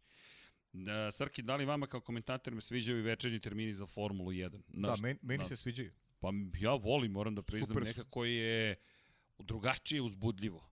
Znaš, pa mislim ono i veče. Prime time. Prime baš, time. Da, baš čekamo i ti ja da rečenicu sledeću. Inače, zanimljivost, obe trke koje su bile Field of Vibe, sprint, Max nije završio u nedelju. Samo kažem, tačno, da. ne bih voleo da bude tako. I na, to, na konto toga, pitanje je Harisa Aksalića, da li očekujemo incident u Meksiku između Hamiltona i Verstappena? Mislim se da se ti toga već dotakao da je... Da. Ne, ej, ajmo da se vratimo na 2019. 2019. start trke, inače prelepe su fotografije. Ja bih zaista iskoristio priliku da se podsjetimo i toga i, i pogledaj ovo. Dom Pablo uopšte nepristrasno, nema nikakve veze što je ovo Ferrari i vozač Ferrari je u Ferrariju. I što je to da. Sebastian Vettel. Uopšte nemojte misliti da, da, da je iz nekog, neke želje da se promoviše bilo ko na ovoj fotografiji, ali je fenomenalno videti ovo, ovakve fotografije. To je ta atmosfera. I sad, vraća se na početak trke. Videli smo kontakt na, na početku te trke. Tada nisu bili ni blizu toga da se bore za titulu šampiona sveta jedan protiv drugog, ali se pričalo Maxu kao potencijalno budućem šampionu. Opet, fenomenalan kadar izlaz sa stadiona. E, zamisli sebe da si Luis. Apropo malo pređeš Dobro. na priče. I ideš u Meksiko i završiš drugi iza Max, imaš minus 19 četiri trke pre kraja. Kako bi se osjećao? Da li bi imao utisak kao da su ti ruke vezane? Pa vidi, ne bih imao taj utisak. Jer, znaš šta? Jer znaš šta je, to je još jedna, izgo, još jedna pobeda Maxa Verstappena u četiri. Ja mm. mislim da gotovo da stavlja... Ne, ja mislim da, da Hamilton neće odustati. Ne, ne, ne, ne. neće da odustane. Ja mislim da će ne onda da biti će, ne na sve ili ništa. Pa da, ali, ali to... Ne mislim na izbacivanje na kontakt, ne, ne, mislim ne. Na, na agresivnost i pritisak nad ekipom. Mislim da tada dolazi do izražaja ko će izvršiti veći pritisak. Ja mislim, Verstappen, mislim da je iz te, iz te pozicije ovo kritična trka. I a, vidi, o, Meksiko, kažem ti, deljenje karata. Ovo je sada da vidimo ko, ko poteže ovde. Ovo je, najavljivali smo mnogo toga ove sezone i bližili smo se baš ovom, mi idemo ka krešendu. Mi idemo bukvalno sada ka krešendu. Ovaj ukelele nije, neko će da, kuku lele će da bude na kraju trke za nekoga. biće, biće, to, to nije pa, sporno. Ba vidi, pa jeste, zato to što... nije sporno. Vidi, ako Mercedes pobedi ovde, Red Bull je propustio tako veliku šansu. Slažem se. Vidi, to stoji. je da bukvalno uzmeš ovaj instrument i da sviraš sebi sve do Brazila. Zašto? Zato, e, ne, ne, ozbiljan sam. Dakle, to je moment kada Mercedes ako pobedi, Ljudi, to daje krila. Bukvalno ti daje krila. Evo, neko pita danas, na današnji dan 2008. Timo Glock moment čuveni, kada je Lewis Hamilton pretekao ga za dodatni poen i svoju titulu šampiona sveta. Ajmo, Brazil, ne bi trebalo da odgovara Mercedesu, ali ako pobede u Meksiku, ko kaže da neće pobediti u Brazilu? Pri čemu te sprint trke, on, on, ono što smo videli u petak, ko slavi, slavi u nedelju. Ko je srećen u subotu, obično mm, završi taj vikend ne baš najsrećniji. I zahtevan će biti vikend. Ma, pazi, to, to, zahtevan. Pazi, to, to nije, sporno. Pazi, ti imaš sprint kvalifikacije. Evo vam pitanje, da li se vama dopada večernji termin večernjeg termina? Kad će Paju da počnu kvalifikacije u Brazilu? U dva ujutru? Nije u dva ujutru. Pa ne, ne, ne mislim, ali hoću da ti kažem da, da, da, evo, tačno vreme za Brazil, Nije, Brazil je nešto isto veče. Nije... pa jeste, ali na konto toga da se dosta kasno uveče održavaju Da, kvalifikacije. ali nije, nije, mislim da nije toliko kasno. Nije. Nije, to je neki popodnevni termin Brazil, Da, nije ujutru. ti voliš mnogo racionalnije, ja volim dramu. Da. Ali sprint trka od 20.30, kvalifikacije su 20.00. Pa da, pa to ti kažem. To je Prime time ponovo. Pa da. Jose Carlos Pache. Nema, nema srđene dva ujutro tek tamo kad odemo u Japan. Ma ja ti se javljam iz Valencije, Moja, ovako moja, ili moja onako. mala sad je u Japanu. Ja ti se javljam iz kabine u Valenciji i kažem Sve dobar okej, dan. To je, to je u redu. Ne, Pazi, ti pričamo imamo- o terminima, znaš, to sve je okej. Ja tebi čekam da se javiš. Ne šta ću da pitam, Dornu lepa, možete da preusmerite jedan satelit gore da mi pustite feed za Formulu 1? To, sad, pričaš mi stalno da su fleksibilni, ajde vidim koliko su fleksibilni. Vidi, veruj mi, fleksibilni su. Pa verujem. Samo ne znam baš da će prihvatiti takav, Da. takav zahtev, ali okej. Ali pozdrav za naše čupavce, tako se zove ekipa iz Da, da, tehnike sport kluba Carevi. Potpuni carevi, njima se obratiti, to bude rešeno. Kako, niko ne zna, ali bude rešeno. Bude rešeno. Da. Ahmed, Ahmed kaže pozdrav za ekipu. Da li će Hamilton biti oprezniji u duelima novih pet trka zbog motora jer može dovesti u, u pitanje dve trke, jednu koju neće završiti i promena motora na sledećoj trci. Da li će zbog toga strategija igrati ključnu ulogu?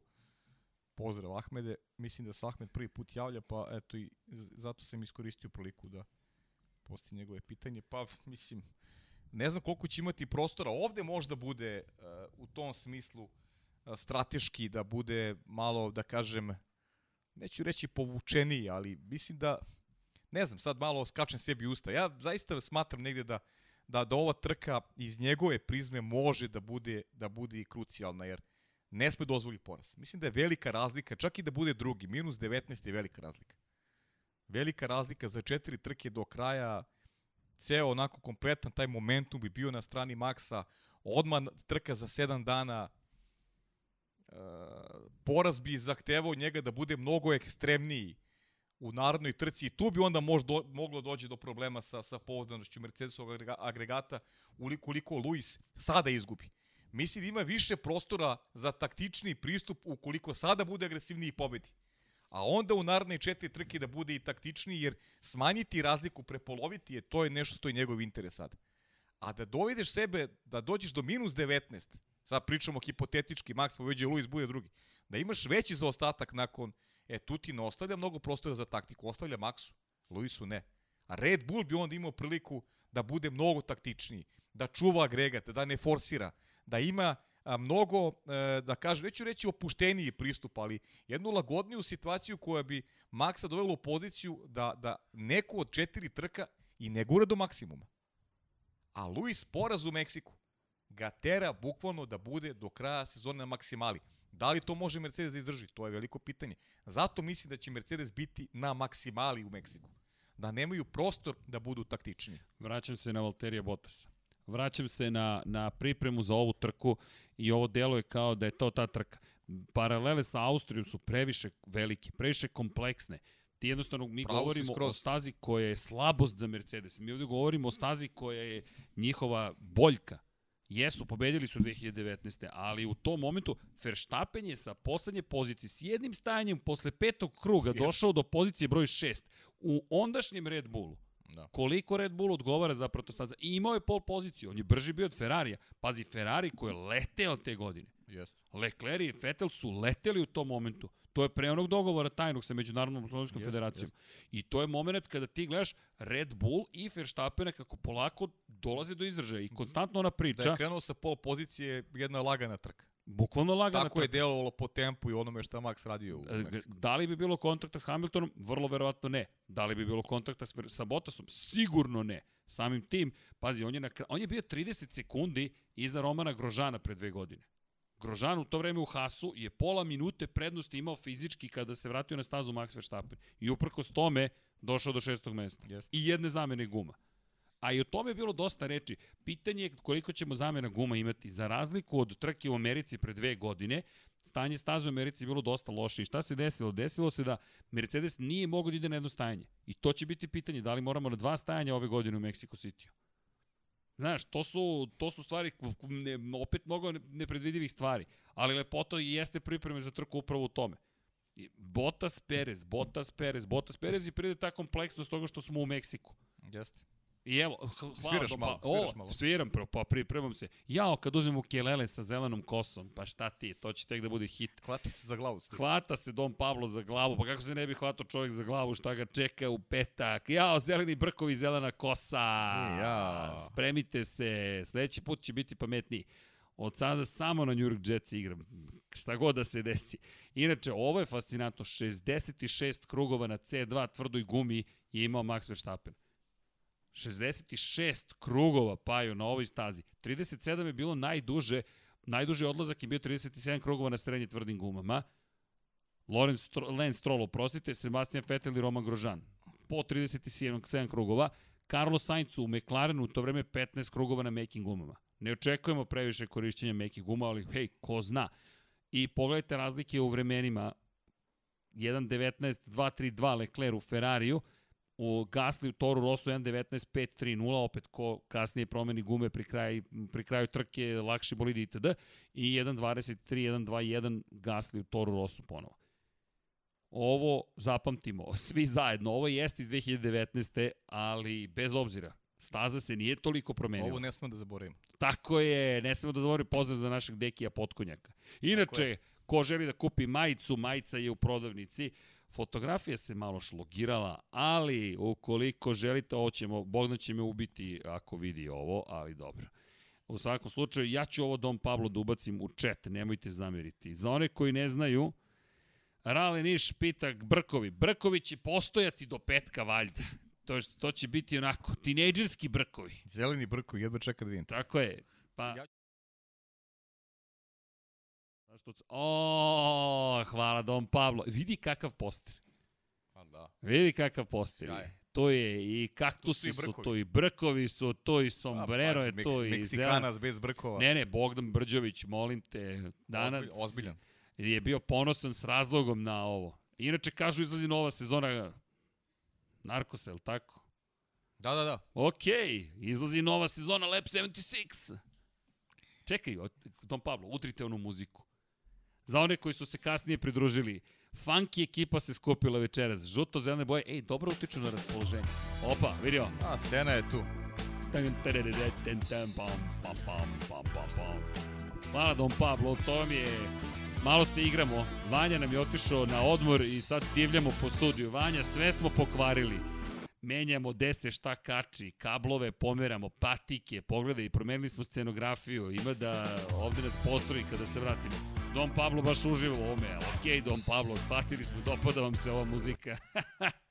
Pronašao se, Pablo. Pronašao se Don Pablo u muzici. Hoćemo, hoćemo još neke pitanje pre nego što zaključimo NASCAR priču. A? da, inače Perez 212 utrka bez pol pozicije prilika u subotu za pol pred domaćom publikom. Pitanje Advan Bašić. Bešić. Pa, Pa, ej, pa zašto da ne? Pa, Mislim, teško, ne? ali... Ali, ali svako tu negde treće mesto, drugo, što da ne. to je to. Nismo, Inače- moramo i da odigramo, nismo rekli, ovaj, nismo proglasili. O, čekaj, čekaj.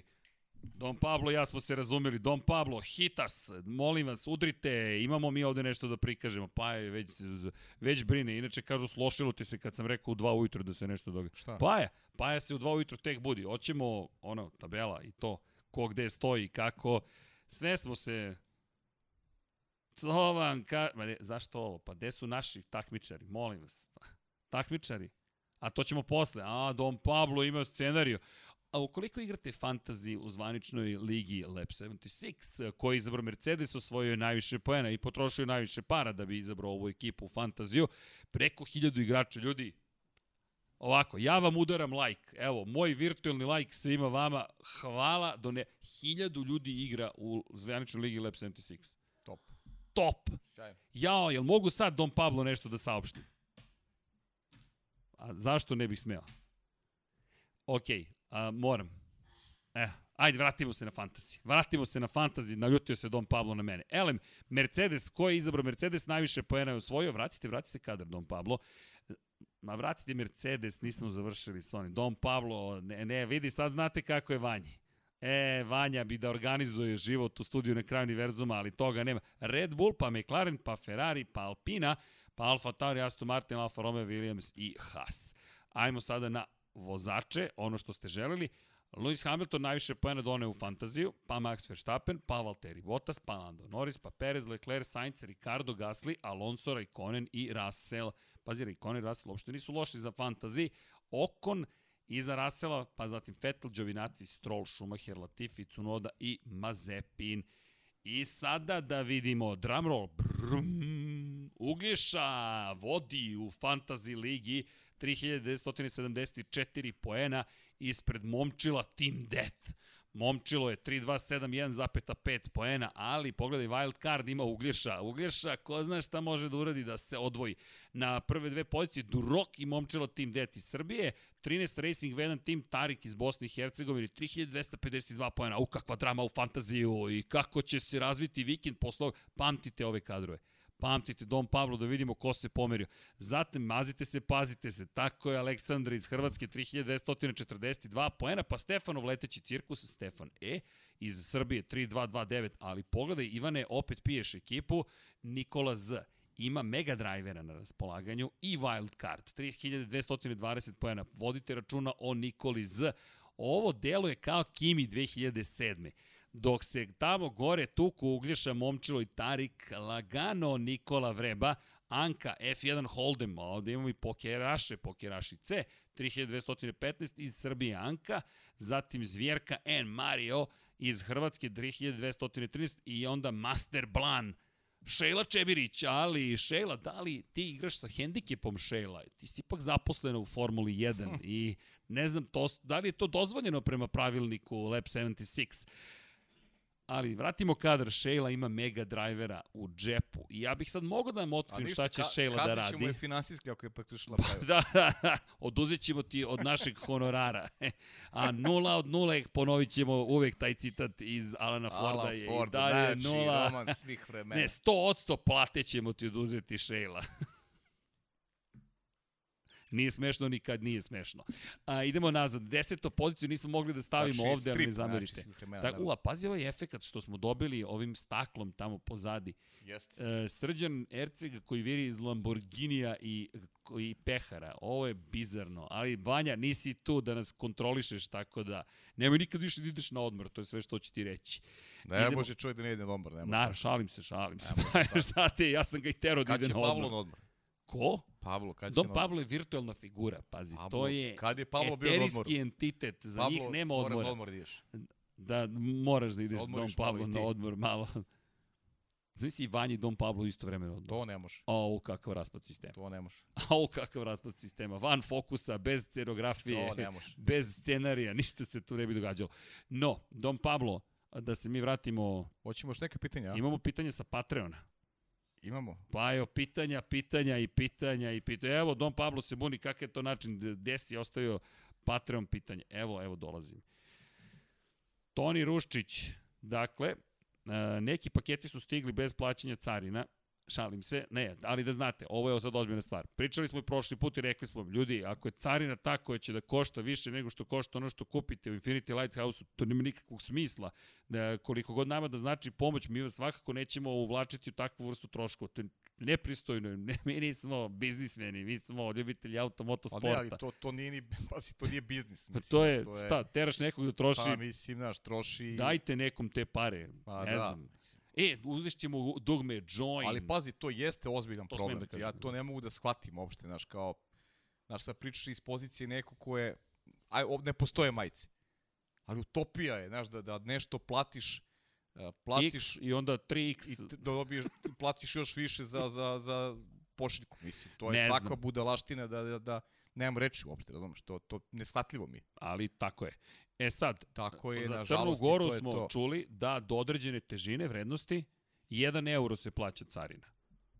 Tako da, jedan like za euro. Evo, like za taj 1 euro. Zatim, svi Crne Gore udrite like. Zatim, e, za Hrvatsku smo čuli da se naplaćuje i PDV i carina, tako da vodite računa. Može da vas izađe baš onako skupo. To je skupo. Sad šta je skupo, to nije na nama da sudimo ili ne sudimo, ali nama prosto nije pristojno da vam kažemo idite kupujte, a da, imaćete dodatne troškove. Naći ćemo načina da nas podržite ukoliko želite, a što se tiče majica, pa na kraju ćemo da uzmemo magacin negde u Europskoj uniji i onda ćemo sve da izvezemo i onda ćemo da šaljemo i da budemo u novi biznis ulazimo da se bavimo trgovinom. ne znam šta drugo da ti Pa kažem. gotovo da je gotovo da isplativi ljudima kad dođu ovde pa da da kupe ovde e... Ko dolazi nego nego naš da da čekaju Ja smem to da saopštim od nove godine. to je Ne. Dobro, ajde. 1. februara, Pajo. dobro mislim Stiže fiskalna kasa, pa ćemo da prijevimo prodajno mesto, pa dođete kod nas u studiju na kraju univerzuma, pa nas posetite. Ne da biste kupovali, možete, ali dođete da nas posetite. Je li tako, Don Pablo? Don Pablo se ne smeje u ovom trenutku uopšte. Ali nemojte da brinete, mi smo jedna e, draga ekipa ljudi. Trudimo se da budemo dragi. No, Poenta jeste zaista da javite nam molim vas vaše utiske gde god da živite. Mi smo uspeli najzad, pre svega bih da pohvalim ekipu iz druge prostorije, iz magične sobe. Irena, Petar, Bogdan, pogotovo Irena, ja mislim da je, da je živela jedno vreme u pošti otprilike i ceo komunikacioni tim, stvarno skidam kapu, hvala im za to, za, za to sve što su učinili i najzad idu paketi u inostranstvo, to, ljudi, verujte, to je bila Plaši agonija. se da ih ne mazne pošta, znaš, da nam ne odu. nije, nije, nije, neće se to desiti. Ne, ne, pohvali za ekipu iz pošte. Zaista, zaista su bili više nego predustretljivi. Vidi, ono što je takođe stvar, nije mnogo ljudi došlo sa ovim, sa ovim idejama. Šta radite? Izvozimo majice, izvozimo knjige. Mm, Okej, ali eto, time se bavimo. Biće još knjiga za izvoz, eto. Buah, buah. I, Ovaj. i, i ove specijalne majice. Ali, eto, da znate, tako da ćemo se truditi da vam, da vam prenesem informacije. Inače, evo je pitanje ujedno iz konstatacije. Kakva je perspektiva mladih vozača koji godinu za godinu nakon odličnih rezultata u Formuli 2 ostanu u limbu između Formule 2 i Formule 1, kao na primjer Nick De Vries, Kalu Majlot, sada Oskar Pjastri i još neki. Kako to deluje na njih i u njihovu motivaciju, čekati, nati se i na kraju se pojavi neko manje talent- talentiran sa debljom pozadinu i ograbi mesto ispred njih. Bi bilo da se F1 prošle na 22, 24 bolida, priča se Alpininu i drugoj ekipi, ali opet gledamo kako Haas jedva spaja kraj s krajem.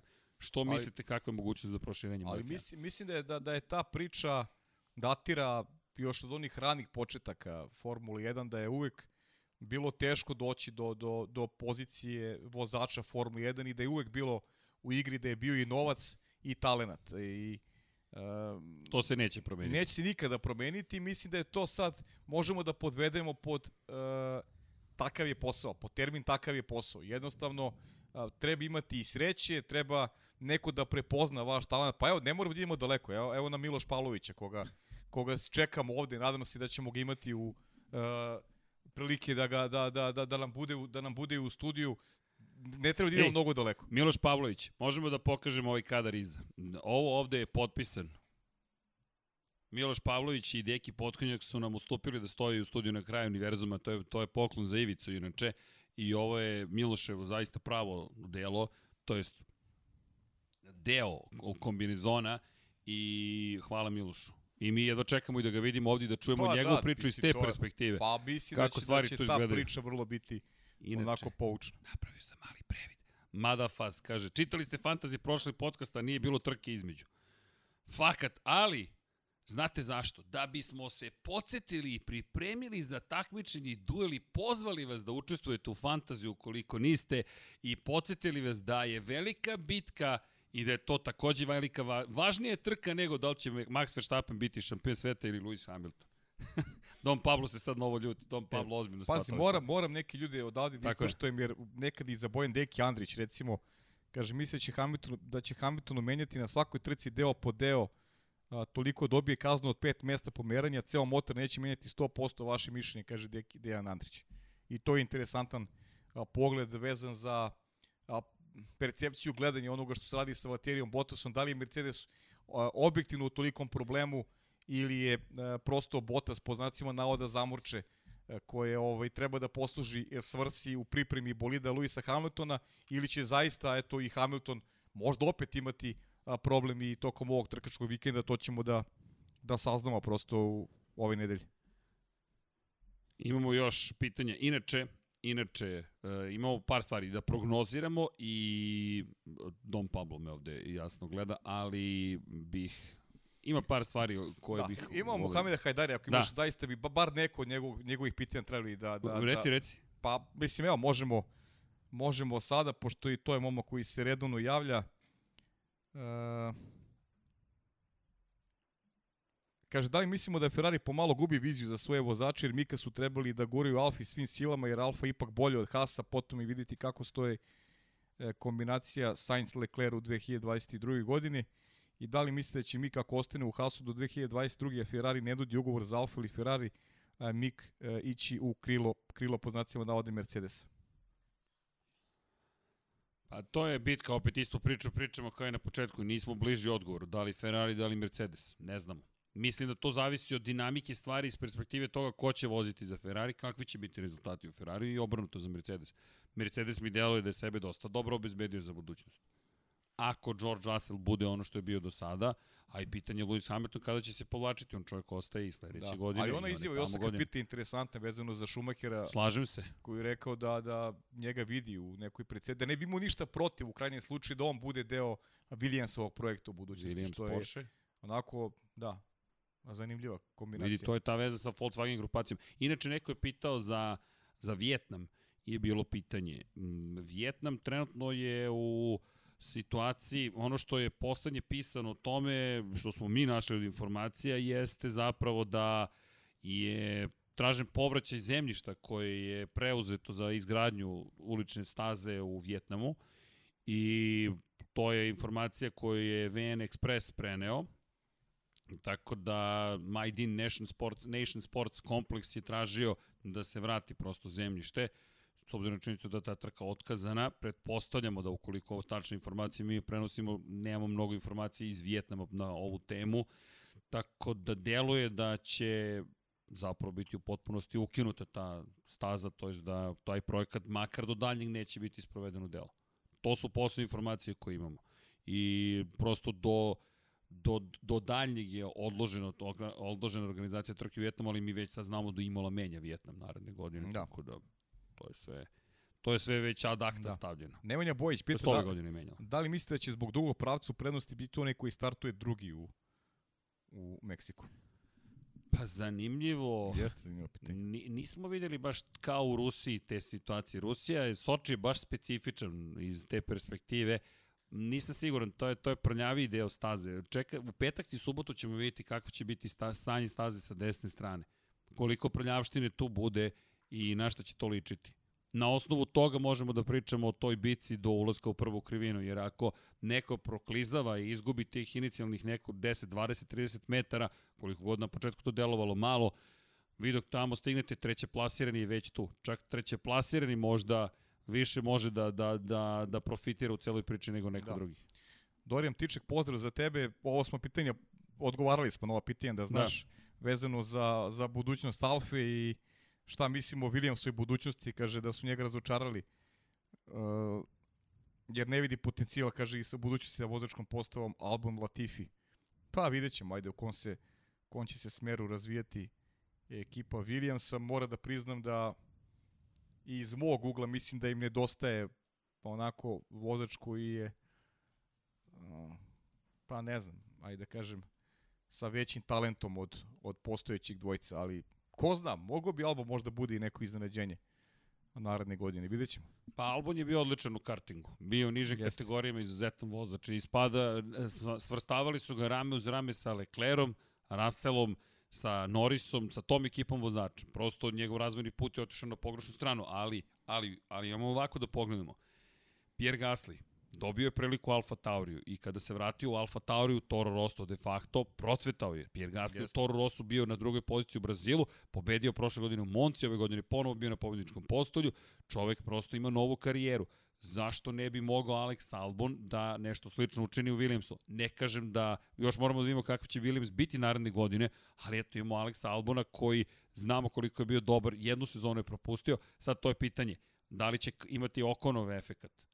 Koliko je Okonu bilo potrebno dok je ponovo na, pronašao tlo pod nogama. Za mene je to veći problem što je propustio jednu celu sezonu nego što je bio loš u Red Bullu. A to je ozbiljan problem. To, to je veliki problem. Uvek je problem kad neko propusti sezonu. Znaš šta? Možda mu pomogne izvini novi bolid. Pa možda. Što manje više niko nema Dobre, iskustva sa tim. Neko da kažem dobro vreme je saznao da će da će biti deo Williamsa tako da Jest. se upoznaje sa celom pričom bez obzira što nema priliku da vozi taj bolid. Imam još jedno pitanje. E, vrlo da. interesantno da. Ivanovo pitanje i hvala ti na ovome. Pozdravlja tebi i meni. Kaže šta mislite, da li je više uticala priprema za 2022. ili nedostatak iskustva u ozbiljnom rivalstvu kod Mercedesa, pa nisu i ove godine dominirali od polosezone pa do kraja, pošto realno nisu imali ravnopravnog takmaca u hibridnoj eri? Dobro pitanje. Jer ako gledamo samo iz pozicije Mercedesa, sve što Ivan naveo je, je činjenica, definitivno, pa možemo stvari da posmatramo i iz tog ugla, jer kad pogledaš definitivno u hibridnoj eri, ovo je njihov prvi ozbiljniji pa problem, da kažem, problem. U stvari, prvi rival pravi koji se pojavio, a činjenica je da se pojavio u trenucima kada se priprema jedna nova era u Formuli 1, što definitivno je moglo da ima uticaja na, na, na ekipu Mercedes. Pa pazi, da, i kada se vratimo čak u, u eru Ferrarija, Ferrari nije nijednog momenta delovao, to jest Ferrari ima jednu sezonu u kojoj u predsezoni delovao kao da će sve razbucati bukvalno i da je to ta godina. I u Barceloni to je dominacija Ferrari, dominacija Ferrari. Stignemo u Australiju, bum, kraj. Mercedes ad acta stavlja celu je. sezonu. I obrnuto, setimo se prve pobede Sebastina Fetela u momentu kada je iskoristio virtualno vozilo bezbednosti da zabeleži triumf i iznenadi Mercedes Tako je počela zapravo njegova bitka 2018. godine, tako što je iskoristio situaciju koja se otvorila, zatim dobra trka u Bahreinu, ona fantastična, impresivna vožnja gde je na jednom setu guma zapravo vozio preko pola trke i jedva izdržao do kraja, Bottas ga je baš jurio, to je bila druga pobeda, onda doživljavaju peh u Kini, Ricardo pobeđuje, Đovinaci pravi grešku za oberu koja dovodi do virtualnog vozila bezbednosti, ali šta hoću da kažem, Ferrari nijednog momenta nije gledao ovako, kao tim koji može da, da nastupi sa potpunim samopouzdanjem i kaže mi smo tu i nema mrdanja do kraja sezone, jer me Ferrari u jednom momentu samo popustio, ali bih to u velikoj meri, koliko god Ferrari zaslu, zaslužio kritika, prebacio i na Sebastijana Fetela najpre, pa potom na ekipu. I mislim da su oni stvorili savršenu da. krizu, oluju, što kažu Amerikanci, da, da se samo unište. Fetel greškom u Nemačkoj i Ferrari greškom u Monci. Red Bull to nije učinio. Red Bull je jasno rekao, mi imamo vozača broj 1, to je Max Verstappen i mi se dalje nećemo baviti tom temom, kao i Mercedes u jednom momentu prestao više da glumi da Valtteri Bottas nije vozač broj 2 i rekao mi se bavimo Lewisom Hamiltonom. Dobro, to je sad reakcija Red Bulla i reakcija Ferrarija koja nije bila prikladna, ali ovo je sad pozicija sama Mercedes. Jeste, jeste, ali samo uvod u celu priču zašto mislim da, se, da je to ta situacija koju s kojom Mercedes se ranije nije susreo. Prvi put ima rivala koji je potpuno rešen da uspe u tome. Ferrari deluje mi kao da se nadao najboljim ali nije bio rešen da uspe po svaku cenu. Nije došao, jer, na primjer, Kimija su te godine sklonili sa prve pozicije u Monaku, de facto omogućili Fetelu pobedu, a onda su i u Mađarskoj tražili Kimiju, hej, jel možeš da, znaš, Fetel, mislim, tu je, pa i Kimi koji kaže šta hoćete od mene. Recite šta hoćete. I on je insistirao par puta da mu kažu šta hoćete. Hoćete da vozim sporije? I oni su rekli da, ako možeš, molim te da se prilagodiš situaciji. Ok, i Kimi je poslušao. I onda dolazi Monca. Jel nešto traže od Kimija? Ne. Trkajte se. Ok, trkaću se. E, samo koliko je Red Bull ovde bolje postavljen, mislim da to zaista utiče na Mercedes. Sada utiče i da je Mercedes, još par stvari. Ajmo da se vratimo na Andy Cowella. Andy Cowell je otišao, je li tako? Red Bull je kupio dosta ljudi iz ekipe Mercedesa. Ne zaboravimo, tu imali su ozbiljne promene. Ako pogledaš, i, i čak ni tehnički direktor više nije isti. James Ellison, gde je James Ellison? Čovjek je rekao, ja ljudi, idem iz ove priče. A gde je Red Bull kada Adrian Newey jeste na stazi i gde je Red Bull kada Adrian Newey nije na stazi? I evo, gost, samo ću kratko reći, jedan gost, to su naši dom, domaćini koji sticam okolnosti ima neki bliži kontakt sa Formula 1, pa koji je rekao nešto divno pre početka, koliko jedan čovjek može da utiče na sudbinu cele ekipe. Pazi, to se zaboravlja, James Ellison više nije tu. Ljudi, on nije u Mercedesu. To, pa to, je, to jeste. Preminuo je, izvini, Niki Lauda. Pa to, to je ključna stvar, rekao bih. Znaš, i to nije više isti tim. Toto Wolf je do juče imao ne saveznike, sad zami, neki on i najbolji general na svetu, ali nemaš više svog pukovnika, nemaš potpukovnika, ko ti vodi trupe. I imaš vojnika koji je sve moćniji i moćniji, koji kaže, ej, čekaj sad, ja se pitam kad ćemo ići na zamenu guma ili ne. Nekad u pravu, nekad nije. I mislim da Mercedes jednostavno ima kombinaciju stvari koje utiče na njega. Da, ovo je najveći problem za njih ikada, ali je više kriza, nije samo jedna, manjih ili većih. Biće, to smo često, biće to, biće tu ozbiljnih analiza vezanih za, za Mercedes do kraja godine. Ima svega, svega, baš kombinacija svega kada, kada analiziramo situaciju u kojoj se nemački tim našao. Ja sam često govorio o tome, ta, taj odlazak Nike Laudi mislim da je presjedno uticao i da, da ta komunikacija između Tota Wolfa i, i pojedinih struktura unutar ekipe nisu bila dovoljno dobra. Mislim da je on sam onako, mislim neke stvari uh, vodi u nekom smeru koji uh, nije bio prepoznati za Mercedes iz ranijih sezona. Mislim Ma. da nedostaje, ne, nedostaje od čovek koji bi taj, da kažem, sportski sektor držao uh, pod ozbiljnijom kontrolom nego što je to slučaj sa, sa, sa Wolfom. I evo ti ga Andres Zajdl u McLarenu. Zach Brown je doveo menadžera ekipe. I rekao, ti si menadžer ekipe, ja sam izvršni direktor. Menadžer ekipe postoji u stvari na pravo mesto. Menadžuje ekipe, upravlja ljudima. I nema, zna, nema šale kod Andresa Zajdla. Ti sada kad dođeš u McLaren ti kažeš, ok, znam kod koga i gde idem. Disciplina. Na nivou usisajte garažu. Meni je to jedan od najboljih tekstova koje sam ikada pročitao 1996. Ron Dennis koji insistira da bude usisana garaža McLaren i sve gledaju i pitaju zašto ima da se usisava. Ne. Sve ima da bude na najvišem mogućem nivou, uključujući i čistoća i urednost garaže. Insistirao čovek na usisavanju garaže. I znam da se F1 Racing šalio i rekao svi dignit, da će svi da glasaju, ne znam, ne znam tačno koji termin bio, da će proglasiti ga valjda najboljim ikada ukoliko ponovo dovede McLaren do pobjedničkih nivoa, do pobjedničkog nivoa. Dve godine kasnije, ko osvaja titulu? Mika Hakinen. Godinu kasnije, ko brani titulu? Mika Hakinen. Tako da te sitne stvari nisu uopšte tako sitne i mislim da Mercedes, da, ima velikog rivala. A oni su vratili Njuija. Pazi, Red Bull je ko zna šta je uradio da bi vratio Njuija i šta mu je obećao. Mada mislim da tu mogu da se zahvale Lorenzu Strollu, iskreno, koji je Aston Martin izvukao iz Red Bulla i napravio sobstvenu ekipu zašto? Valkira, jednostavno Valhalla, to su projekti koji su koji trebalo da budu projekti Idrina Njuja. Čak evo i u Bondu, pozdrav za, za, za agenta 0071, Deki je potkonjak, nadam se da je tu negde, je to velika priča. Adrian Njuj je počeo pravi hiperautomobile čovek. Koliko je Red Bull morao da se potrudi da ga vrati? I, pazi, to je čovek koji od 80-ih je ključni čovek za pobede u šampionatu sveta Formula 1. I on i dalje utiče na, na istoriju Formula 1. Neverovatno. zna, zna. Tako je, zato ti kažem, James Ellison, bio u Ferrariju, bio u Mercedesu, bio na mnogim mestima sa pobedama. Kako se otvorilo lepo pitanje, pozdrav za čoveka. A Ivan, da, da, lepo pitanje. Da, inače, uf, čekaj. Ja nemam više pitanja, obustio sam ovaj... Kažu pa, Pavlo Namćor. Ma nije Pavlo Namćor, toga mi tako karakterišemo, to se malo šalimo. E, inače, Amir Šulkanović pita, Šulkanović, e, ja sam doručio pre nekih mesec dana, još ništa nije stiglo u Bosnu i Hercegovini, valjda hoće uskoro. Amire, proverit ćemo sve poručbine koje su rađene, sve. Potrudit ćemo se zaista da, da uradimo reviziju tokom ove nedelje pa da vidimo gde se šta de, dogodilo. Ne zaboravite, imali smo jedan period kada smo menjali sajt, prelazili smo na sajt koji omogućava plaćanje karticama jer nismo mogli da naplatimo za inostranstvo tako da može da se desilo tu negde u tom prelazu da, da smo i mi pogrešili, da, da nam je negde pobegla poručbina, tako da se izvinjamo, ali ja potrudit ćemo se da stupimo u kontakt sa vama.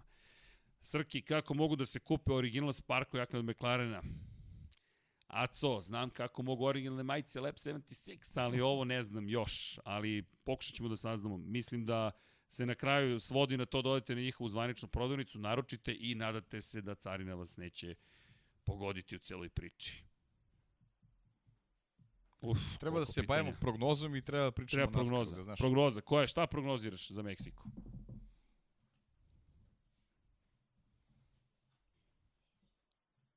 Au, kakav kadar. Da. Pa, Ao, da. kakav kadar, čekaj, pa ne, ovo, će, ovo, je... Ovo, je, pa kažete, ja, ja, ja baš očekujem mnogo od... od Treba da uzmem u kelere da zasviram, ove, ali... Od ove trke, ja...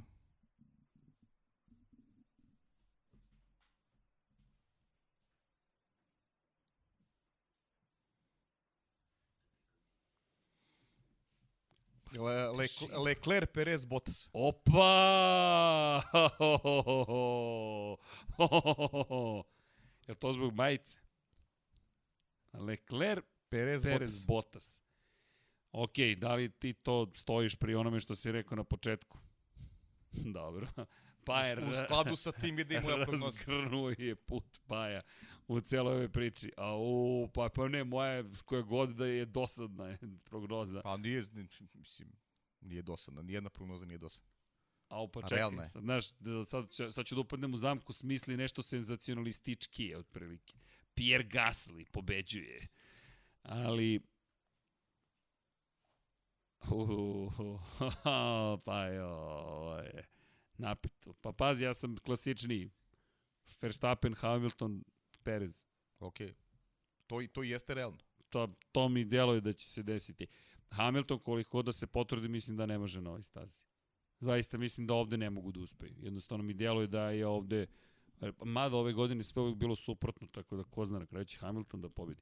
Ali dobro, to, to mi je prognoza. Evo, ajde, prognozirajte, ne prepisuj pa Verstappen, Perez, Hamilton, Advan Bešić, Opa, žuti smo, Muki Alex. Tako je, stigla je nova Brazilka, pogledajte. Da. Pa, Brazilka. Pa da.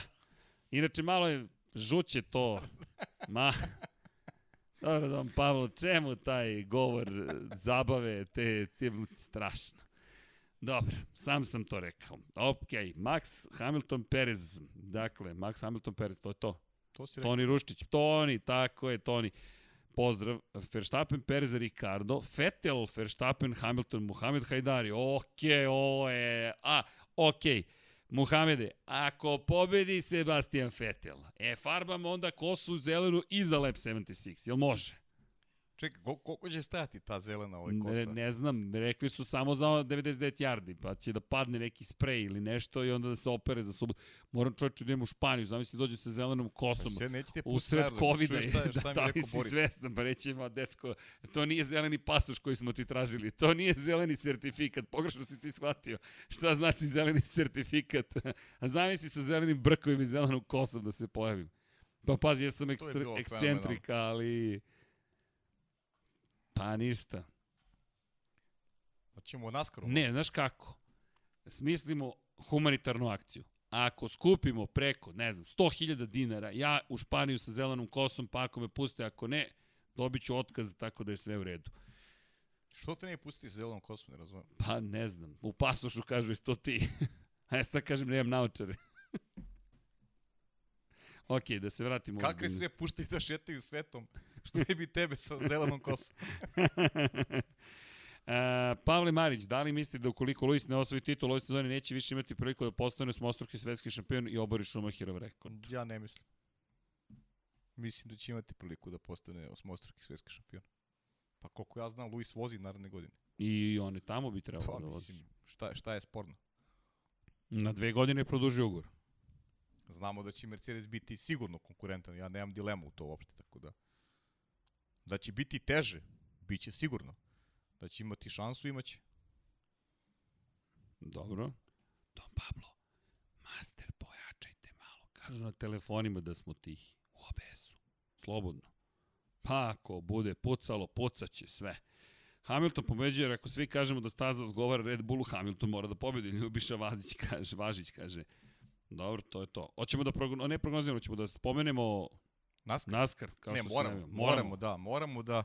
Ajde za početak ću kažem a, koja četvorica vozača se bore za titulu. To su Denny Hamlin i Kyle Larson koji vozi najbolju sezonu u karijeri, ima čak 9 pobjeda. To su dva vozača koji voze za Henrik Motorsport i dva uh, Joe Gibbsova vozača, uh, pardon, Denny Hamlin i Martin Truex Jr. koji voze za, za Joe Gibbs Racing i Chase Elliott i Kyle Larson koji voze za Henrik Motorsport, Kyle Larson koji ima 9 pobjeda u sezoni, tako da je to je četvorka koji se bori za titulu i bilo je mnogo dramatično u Martinsville u finišu. Trke, zaista su vele obrti bili na stazi, Martin Truex koji u jednom momentu završio na ogradi, bio je čak jednu, jednu trenutku šesti u generalnom plasmanu nekih 10-12 krugova pre kraja, imao je malu pomoć na povratku od Joea Logana, dobio je onaj popularni bumper je dobio od Joea Logana. Malo ga je pogurao. Malo ga je pogurao Joe Logano, što baš nije dva velika rivala. Eto, Logano je odigrao tu ulogu, pomogao je uh, rivalu iz druge ekipe. Logano koji je morao, mogao da prođe samo uz pobedu, ali bilo je evidentno. Fordovi motori ove godine generalno su bili jako loši, tako da nijedan predstavnik nije mogao protiv Chevroleta. I bukvalno je sve rešeno u posljednjih, posljednja tri kruga. Uh, Ono što je interesantno, Alex Bowman koji nimao nikakvu šansu se bori za titulu, izbacio je odgur, izbacio sa staze Denija Hamlina. Uh, sreća po Hamlina da je on mogao da se vrati, imao je dovoljnu prednost, odnosno rivale da je, da je ušao među četiri, ali bilo je interesantno, ne znam da si video uh, kako je Denny Hamlin u dva navrata posle trke uh, gurnuo Aleksa Bomona, čak i usmerio svoj automobil ka ka Bomenu i za to je dobio zvižduke na kraju. Interesantno, da, da, to publika, da ti kažem, publika nije uopšte nije reagovala Bomanu, nego je, nego je zviždula Deniju Hamlinu i onako jednom, da kažem, lošem raspoloženju uh, iz te neke perspektive Hamlin odlazi na, na tu završnicu. Inače, Denny Hamlin ima 40 godina i nikada ne bio šampion. To je njegov veliki san da dođe do prvog trofeja u karijeri. Imamo tu Martina Truexa koji je bio šampion 2017. godine. Imamo Chase Elliota koji je prošle godine bio šampion i Kyle Larsona koji takođe e, nikada nije bio šampion. E, samo pobjeda oprosti na Daytoni, samo. Tu, da. je, tu je Hamlin može da se pohvali zaista velikim ozbičnim rezultatima. To, to su njegovi uspesi, Jest. ali nema titule. Nema titule. E, Brett Keslovski imao šanse da se bori za plasman i Kyle Busch koji je za jedan poen ostao iza uh, Martina Truex juniora. Ono što je interesantno, ne znam da li znaš ovaj, informaciju, Brett Keslovski u Phoenixu vozi posljednju trku za ekipu Penskija. Od 2010. godine koliko je bio član organizacije, verovao je Roger Penske da će Brett da ostane, međutim ide u Rush Fenway ekipu gde će biti vlasnik i vozač, tako da mladi, e sad ne mogu setim, koga menja u ekipi Penskija, Kindrig, bravo, Kindrig ga menja u ekipi Penskija, on će voziti broj 2, brani momak titulu Xfinity serije, talentovan vozač, vozio je malo za Wood Brothers team, tako da eto, to je probena, najveća promena koja će dogoditi naredne godine u tim velikim ekipama i odlazak velikog Breda Kislovskog. A da, Bred je to već ranije najavio i promenio i... Pa, znaš kako, bilo je priča da će biti vlasnik ekipe, ali da će voziti za Penske i nadao se Roger Penske da će potpisati novi ugovor sa, sa Bredom, međutim nisu uspeli da, da naprave dogovor i tako da Bred definitivno odlazi i vozi posljednju trku za Penske. Nažalost nije uspio da se kvalifikuje za, za tu posljednju rundu šampionatu u borbi za šampionsku titul, ali kažem, mislim da nijedan predstavnik Forda nije to zaslužio, zaista Ford je u odnosu na Chevrolet to ono što je trend sređeni prethodnih godina, da je Chevrolet mnogo ozbiljniji od Forda i to se jasno prikazuje kroz rezultate, u krajnjem slučaju i kroz te šampionske titule koje su osvojili prošle godine Chase Elliott, pre dve sezone Kyle Busch, tako da evo i ove godine će e, jedan Chevroletov vozač da, da bude šampion. I Lukas Pasovski kada se završi sezona da dođe da malo pričamo o sezoni. Tako je, tako je. Eto. Mislim da je zaslužio pre svega Luka da ga upoznate, da se malo otkrije, Luka je malo stidljiviji, profesionalnec je, ozbiljan i rekao je, neću da dolazim dok nisam potpuno spreman. Pa ne samo to, rekao mi, ne, ne želi da, da priča s nama o formu, nego samo o NASCAR-u. Napravit ćemo je... pregled sezone NASCAR-a, mislim da to moramo da odvojimo kao jedno Glupo mi je da sedim emisiju. tu, da, da Mada ima mi šta da kaže sigurno, ali ima, ima Luka šta da malo kaže. Malo podsjeća na, na Baki. Luka zvani noćna ptica. Luka uvijek ima neki noćni termin. U dva ujutru čućete Luku. Kad god uključite TV, čućete. To, to, to, čućete Luku sigurno. Da. Inače, Haris Aksalić kaže, mislite da će album biti bolji, uz bolji bolid moći prviti Russell u Mercedesu, to ono što smo rekli.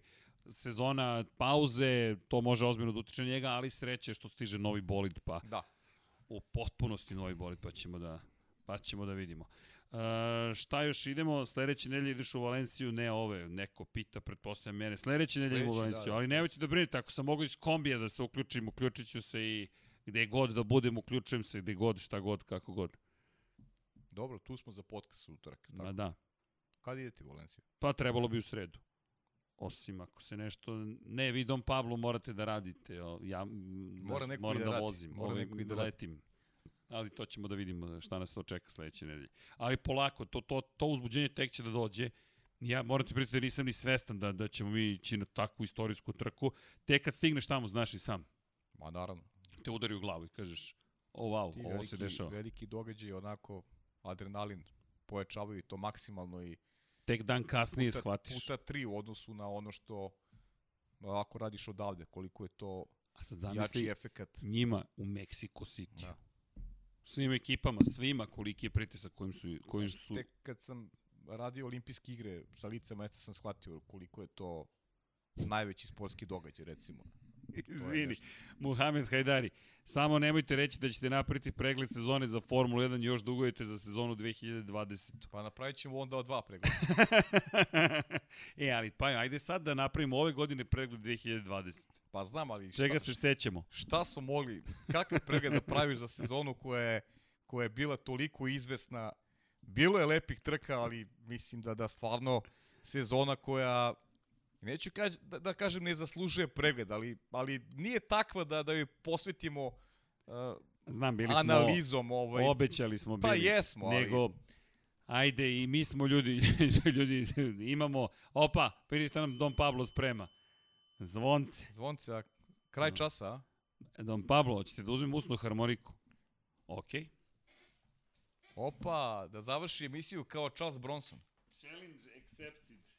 Kao Charles Bronson Don Pablo zaboravlja sa... da nema šale u studiju A? na kraju univerzuma. Si volao da gledaš, voliš da gledaš Ej, Spaghetti moram Western? to da naučim da sviram. Ili voliš da gledaš, Moram, Spaghetti pazi, Western, ja do petka da naučim. Ne čuješ? A? Opa, I voliš Spaghetti Western? Volim, kako Pa ne. Charles Bronson, Koji ti je omiljeni? harmonika. Au, A, ne, ne, do, do, dobar loš okej, zao, dobar loš zao. Dobro, e, a, e, to je, da li je bilo jednom u, u, bilo jednom u Ujedinjenom zapadu ili, Bilo je jedno na divljem zapadu, da. ili dobar lož zao? Bilo je jedno u Americi je moj omiljeni Dobro, film svih to je- vremena, to- to, to- nema to veze, ali isti, isti rating, što je interesantno. Sergio Leone je režirao je bilo u Americi i te Spaghetti Western, tako da. Evo ovako. Ima scena u dobar loš zao, do, dobar ružan zao, kako god da ga prevode. To je kultna scena, možda jedna od najboljih u istoriji kinematografije, kada raznesu most. Da, da. Za one koji su gledali film, znaju. Ko nije gledao film, oprostite što vam Ma ko nije gledao film, obavezno gledajte, ljudi. Ljudi morate, ali ova scena, da ne pričam ostalo, je za mene najdirljivija scena ikada. Gde u sred rata i borbe dolaze i oko nekog mosta se bore i, i ovi odu i raznesu most i više nema borbe oko mosta. Nema mosta. A inače, tokom tog snimanja je, stvarno su razneli most. I onda je komad mosta sleteo pored Clinta Eastwooda, mogao je da ga ubije. Clint Eastwood je ostao odveran ulozi i kako je palo, žvaće onu ciga, onaj to cigariljus i ovako. To je, to je, to je Sergio Leone, nije baš ovaj, možda toliko bio Ludilo. priznat za vreme života, tek su ga ljudi skapirali po znacima navoda i zavredao više, više poštovanja Ma posle smrti, čekaj, nažalost. Akira Kurosawa i, i Sergio Leone, i kako beše, crveno sunce, To, da, crveno, crveno, da, crveno Toshiro sunce. Mifune kad se pojavljuje na zapadu. Toshiro Mifune. Gde odo smo mi? Toshiro Mifune. Mif- Ej, ali to ozbiljna ti, umetnost. evo, ti si- ja- ti si stari Japanac, da. kako, vidi, Akira Kurosawa, da mu, da mu od, da od blata ga prave Steven Spielberg i George Lucas. Bukvalno da ga prave od blata. Većina scene, znaš da su scene iz Indiana Jonesa preslikane scene iz filmova Akire Kurosawa? Uključujući onaj moment kada se hvata, tako je katana da se vadi, kada se hvata za, za, za pištolj Indiana Jones. To je od Akire Kurosawa preuzeto. Sedam samuraja, Shinin no samuraj. Ili ti sedam ljudi samuraji. Kako odosmo na- ono. Pa vidi, to su ali podcast, moram napraviti neki podcast o filmu, a? Charles Bronson završava podcast. to je to. Vidi, ja ću da naučim da sviram tu muziku, pa nek nas banuje YouTube. Ali mi ćemo da radimo Pablo. naš deo posla. Don Pablo. Gde je zvonce? De, e, izvoli. Evo ti, izvoli. A, reci. Aruba, ba... A, doviđenja, lako noć. ne, ne, ne, čekaj, čekaj. Imamo ovde poruke rekreativno, ekonomsko propagandnog programa ili ti vodite računa jednim drugima. Nadam se da ste uživali. E, nismo preporučili knjigu. Ja znam koju ću ja. Pa i ja ću isto. Pazi. Ja ću isto. Crveno i crno. Topla preporuka i ne šalim se. Ja ću isto. Evo, crveno i crno, Samo crveno i crno za ovu nedelju, za sledeću ćemo da tako je. uz crveno i crno Ajmo da vratimo nešto. koje knjige Hoćemo da, čitati i hoćemo topla da, preporuka hoćemo, šta da hoćemo. čitate. Tako Može, da crveno je- i to je- crno slažem se. o Mihajlu Šumacheru, autor Dejan Potkonjak Tako i je. prva knjiga u ne i poslednja u biblioteci Lab 76. Tako da znate, Deki, imate pozdrav Deki, danas nije mogo da nam se pridruži, držim palče da će biti sutra tu i da ćemo Moto Grand Prix raditi zajedno. Inače, Pajo, zovem te preko Zuma, gde god da si. Kad? Sutra? Ma da. Oduševio se skroz. Ne znam gde sam. Ej, treba mi manekin za sutra. Uf. Treba mi manekin za sutra. Ej, da. Može, može. Ovo, sam majicu, ovo majicu si mi dao sa stomakom. Ne, ne znam da, zašto. da, da, i to je To je implant. takav model, majica sa stomakom. implant, to ti, pa da, da. Ja kad skinem majicu nema stomak, to, to je sve puca. To je to, dobro. E, ali znaš šta ćemo da uradimo? Ovde gde, je- gde je blue screen, da te fotografišemo za website. Personalizovan da bude website. Da se zna ko je maneken i na, ideš na društvene mreže, jel može? Kao maneken promot, promotivni za Lab 76 Brazil specijal. Može, rešeno. Opa, kolika je ljubav prema Ayrtonu Seni, to je sve što Jeste, ću da kažem. jeste. A vidiš da ne tražim pare za to, nego čista ljubav. Šta? Čega? Šta ti je to? Para, para. E pa, ko par? Para, Imaš para, para? para, da. Para, ovo. Dobro, gde ti je taj par? Vruća voda, pa Vruća para. voda. Da, u ime, eto, vruće vode, pare i svega ostalog, spremite se za jedan vruć vikend u Formuli 1, a Lab 76 146 će imati još jedno iznenađenje sad. E, ako je izdanje 1.4.5, pa 1.46, sami zamislite Logično, šta vam logično. to priprema ekipa. Don Pablo će biti.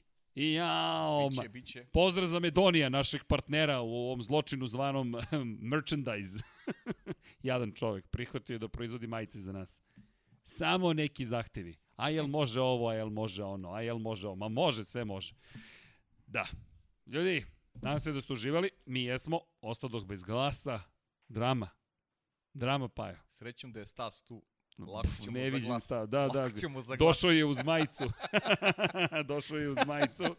E, zajedno sa, a vidiš kako iskusno sedim. Pa, Imam i računar, znaš, kao, Pa da, da, da, bi, pa da bi čitao nešto. Moram ja da nabavim E neki da, račun. ko kupi žutu zelenu majicu, dobije i, ili dobije nalepnicu? Dobije, dobije i nalepnicu, opa, žuto-zelena nalepnica. To smo jedva čekali, iskreno, ovaj pambok smo dugo čekali. Sad kad gledamo ovako pred kamerama, malo je drugačije to. Mada nadam se na YouTube-u da je žuto-žuto. Verujte, žuta je. Neko mi je rekao da li će biti žuta. Žuta je. Baš je onako žuta. Ili žuta? Žuta, drugari, žuta. I sad sam dobio kritiku, ali znaš, e, treba, re- e, sad je moderna e, neonsko žuta. Rekao, dobro. No comment. Modern. Mi, Mi smo ti mi smo koji diktiramo- koji tako diktiramo je, mi modu. diktiramo modu, tako da sad je, od, od danas je ovo moderno. Tako je. I u to ime, nadam se da ste uživali, mi vam želimo laku, lepu i mirnu noć. Sanjajte Lab 76, razmišljajte o svemu što smo pričali, spremite se za uzbudni vikend. Hashtag Lab76, tu smo na društvenim mrežama, sve, sve smo aktivni, bit ćemo još aktivniji, slaćemo vam neke informacije i spremamo join na YouTube-u da ne bismo odvajali nikoga i da biste dalje mogli da gledate sve što gledate. Join je više izgovor da možete da nas podržite i kroz YouTube, a kao dodatni sadržaj ćemo možda, mo- ne možda, pravit ćemo malo iza kulisa šta se događa, ali ništa što je sada toliko drugačije da, da, da bismo pravili bilo kakvo odvajanje. Ne želimo nikakvo odvajanje, svi moraju da dobiju sva, sav sadržaj koji mi proizvodimo, ali eto, kao izgovor zašto nas je neko podržao. A možda čak ni ne uradimo to, pa ko hoće neka nas podrži, neka nas podrži čisto reda radi, a mi ćemo da stavljamo videe svima da budu dostupni. Ma da, tako ćemo mi. Pa ako join dobijete lepe stikere i emotikone. Eto, za 5 evra mesečno to je račuveni sales pitch, kažu uh, tri kafe mesečno. Pa eto, tri kafe za gospodu iz studija. Nema gospode, ali ima studija. Ali, želimo vam laku noć, uživajte, mi vas ljubimo i volimo, mazite se i pazite se, to je važno, ljubav je najvažnija stvar podržite nekoga, uradite nešto lepo, diplomirajte, pripremite se za ispite, završite školu sa dobrim ocenama, zato što je to dobra stvar. I onda možete da igrate igrice kad dođe zimski raspust i da radite, pravite belaj i onda kada počne nastavak škole, a onda kažete, ali mama, tata, bio sam odličan i tako nastavite, a onda kada napunite 19 godina postanete novinar i ne diplomirate ali bolje diplomirajte, to je pretopla preporuka, sve sme mi se, pa ja, koji, koji fakultet si ti upisao? Pusti priču, ajde. U istom smo košu. Idemo u biblioteku. Ajde. Elem, mazite se i pazite se, devojke i dalje važi na kontrolu, na proveru, borimo se protiv raka dojke, protiv svih mogućih bolesti zajedno, zajedno smo jači, imate podršku, pričat ćemo o anksioznosti, bilo je nekih situacija, evo, u, i u američkom futbolu ljudi se povlače pre vremena, ne mogu da izdrže pritisak psihički kojim su izloženi, to nisu male stvari, to je zaista pravi hendikep i zaista povedite računa, pozovite neko koga volite, nek, vi, neka vas neko pozove, to isto lepo čuti, pružite podršku, a mi počinjemo da puštamo brkove, jer stigao je mesec novembar, pa za jedno 20 dana biće brkova. To je prednost kada ti sporo rastu brkovi, pa onda tek za 20 dana dođu brkovi ali šta god da bude u petak, bit će ofrban u zelenu. No, do tada još imamo i Lab 76 146. 917, pošaljite na 3030, podržite Boška. Nama je bitno, pa vas ja molim za podršku tom momku. Nema nigde drugde kampanje koliko sam ja vidio za njega. Mi smo tek tako nasumično rekli, mi ćemo da podržimo Boška, ničim izazvano, pa eto, da ga podržimo svi zajedno, jer zašto da ne? Human 917 na 455 u Švajcarskoj, možete i 1077 takođe na oba broja da pošaljete, gde god da živite, uradite nešto lepo i tako, udrite like, udrite subscribe i naravno, budite dobri, lepo spavajte. Ljudi, čao, čao svima! svima! Laku noć!